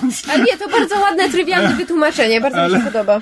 E, ale na w dowiadu, się, dowiadujemy się czemu i próbujemy usprawiedliwić po prostu to, te jego zachowania. Ale wiesz, się śmiejesz z tych, z tych upranych gaci, a czasami właśnie wytłumaczenia złych potrafią być aż tak trywialne. I po prostu czasami sprowadzają to do tak głupich wytłumaczeń, że człowiek po prostu siedzi i... Ech. Czy może ja mam po prostu z takimi rzeczami styczność częściej, bo oglądam już dziewiąty sezon Criminal Minds, to jest procedural właśnie o jakby... Nie, ale słuchajcie, ten, ten serial jak na to, że miał dziewięć sezonów, potrafi mieć bardzo dobrych, złych i to naprawdę jak na to, że zostali zbudowani i zbudowani w 40 minut serialu, są naprawdę fantastyczni, chyba, że tam mają jakiś story arc większy, ale przy okazji też trafiają się postacie, które po prostu człowiek patrzy jest takie ale dlaczego on zabijał tych ludzi? Przecież równie dobrze mógłby pójść na piwo, albo rzucić się z mostu, albo e, nie wiem, iść do Zoi, pogłaskać zwierzątka, żeby mu przeszło. No po prostu jakby nie ma żadnej, żadnego sensu, żadnej logiki. To nie jest hmm. wytłumaczenie. Więc to... Ja się na przykład zastanawiam nad Voldemortem teraz też.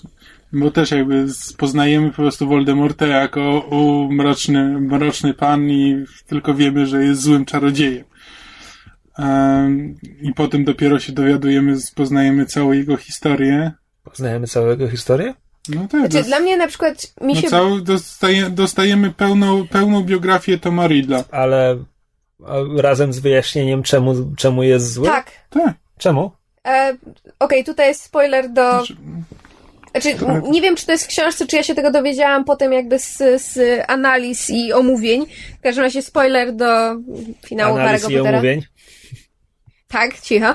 Um, spoiler do Harry'ego Pottera, mianowicie, um, ponieważ to jest takie bardzo magiczne wytłumaczenie, bardzo ala Harry Potter, ale mianowicie, ponieważ um, rodzice um, Toma Riddla, czyli małego Voldemorta, um, oni się nie kochali, oni jakby spiknęli się razem przez um, napój magiczny.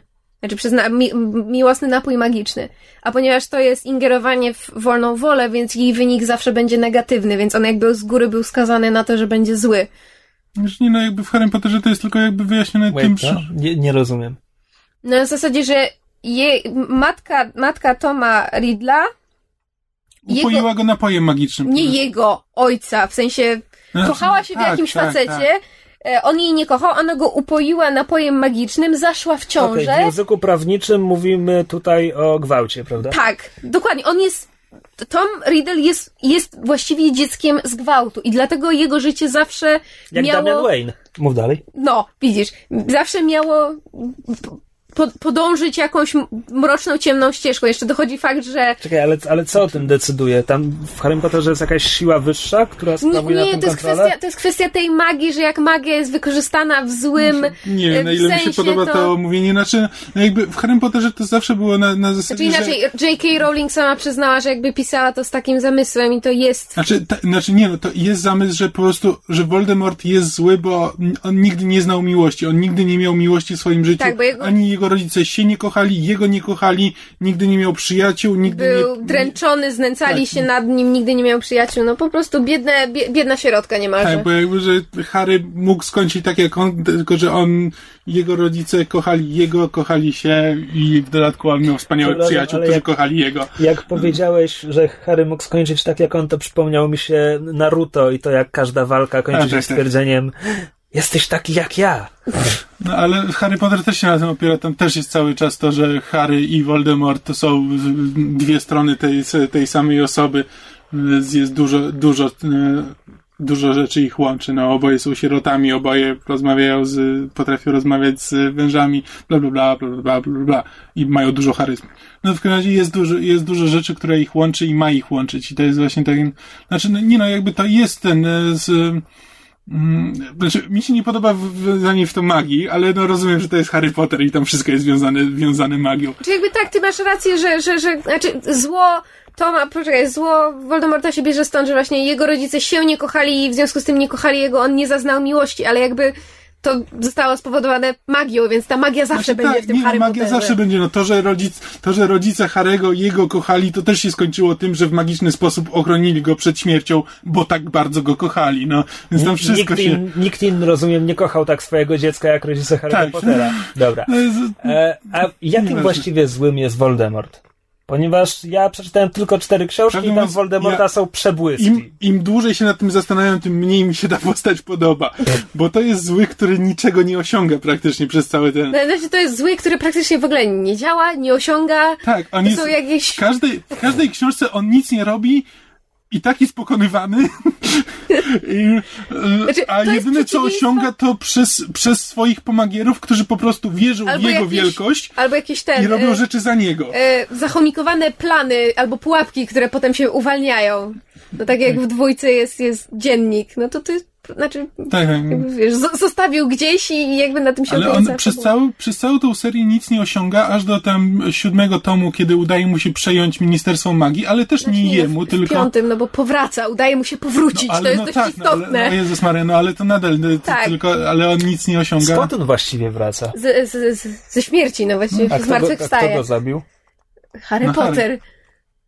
On zginął, bo... Swoim cudownym narodzeniem go zabił? Nie, Nie. On, on rzucił na niego klątwę. Z... E, Nie mów on. Voldemort rzucił na Harego klątwę, żeby go zabić, ale ponieważ rodzice Harego tak strasznie go kochali, to ta klątwa się odbiła i zabiła Voldemorta. Aha, okej, I stąd Harry ma bliznę. Tak, a matka go otoczyła jakąś, wiesz, Znaczy, ojciec... magiczną tarczą, bo tak bardzo go kochała. Tak, znaczy w sensie matka poświęcając swoje życie, rzucając się pod różdżkę e, Voldemorta, poświęciła się dla Harego, w związku z tym jej miłość otoczyła go tarczą. I potem ten pocisk Voldemorta się odbił i zabił Voldemorta. Ale ponieważ Voldemort nie może umrzeć, o czym się dowiadujemy parę tomów później, e, więc e, tylko stał się ten niematerialnym widmem, duchem, nie wiem jak to nazwać. No. Sauronem, nie bójmy się tego słowa. Tak, tak. Nie, tylko właśnie to jest, to jest ten. To, jest to, że Voldemort jest przeciwieństwem tego, cze- czego ja nie lubię. To nie jest ten, którego zawsze jest na wierzchu. Wręcz przeciwnie, jego Tak. bardzo rzadko jest na wierzchu, tak naprawdę. Ja się nie dziwię, że on tak bardzo chciał tego Harego Ale- zabić, bo on jest wkurzający. Ale- Zawsze mu się udaje. To też jest ta symetria między e, Harrym i Voldemortem, bo Harrymu też się nic nie udaje. Jemu wszystko, Haremu udaje się wszystko. Przez ma- szczęście i przyjaciół. Przez szczęście i przyjaciół. Tak. Voldemort, e, Banda nieudaczników Voldemortowi. Voldemortowi też udaje się wszystko poprzez jego popleczników. On sam nic nie robi. Gdyby nie miał e, ludzi, którzy wierzą w to, że on jest wielkim, złym, największym magiem na świecie, Nic to on by dziwnego, nic że- nie osiągnął. Nic dziwnego, że na koniec tak naprawdę nie udało się Harego zabić, to nie wynika z miłości jego rodziców. Voldemort jest po prostu pierdołą. Wiesz, to, to jest sam w sobie, sam w sobie motyw jest interesujący, gdyby był poprowadzony jako właśnie to, jako zły, który po prostu czerpie swoją e, władzę z tego, że inni uważają, że jest zły, mimo że on tak naprawdę nic nie robi. Byłby interesujący, to nie, no, to, to nie jest świadomie poprowadzone, nie, to nie wygląda tak w Harrym Potterze świadomie, ale no tak to na, na to wychodzi. Sam nie wiem, co o Voldemorcie uważać i wcale nie uważam go za jakiegoś wielkiego, mm, to nie, to nie jest postać na równi właśnie z Vaderem czy z Jokerem. To jest po prostu, po prostu zły, który jest zły, bo, bo J.K. Rowling ciągle powtarza, że... Znaczy nie, bo że wszyscy mówią, że tak, jest bo zły, wszy- że to jest Tak, bo wszyscy mówią, że to jest tak the najgorszy. Dark Lord. Bo no. społeczeństwo przykleiło mu taką łatkę. Tak, tak. Tak, a właśnie teraz stwierdziłam, że bardzo chciałabym, tak jak Kamil wspomniał, zobaczyć film, w którym em, poznajemy jakby postać, e, ży- żyjemy z nią, znaczy widzimy jej postępowanie przez pewien czas, żywimy do niej sympatię, bo postać jest w porządku, po czym po, po, w połowie filmu na przykład się dowiadujemy, że on jest jakimś wielkim złym, ale on jest wielkim złym, dlatego wszyscy, że wszyscy wokół niego myślą, że on jest złym. On tak naprawdę robi swoje, a cała reszta lu- ludzi robi zło za niego. I po prostu taki, taki koncept zła chciałabym kiedyś zobaczyć. Czy można by to było poprowadzić w taki sposób?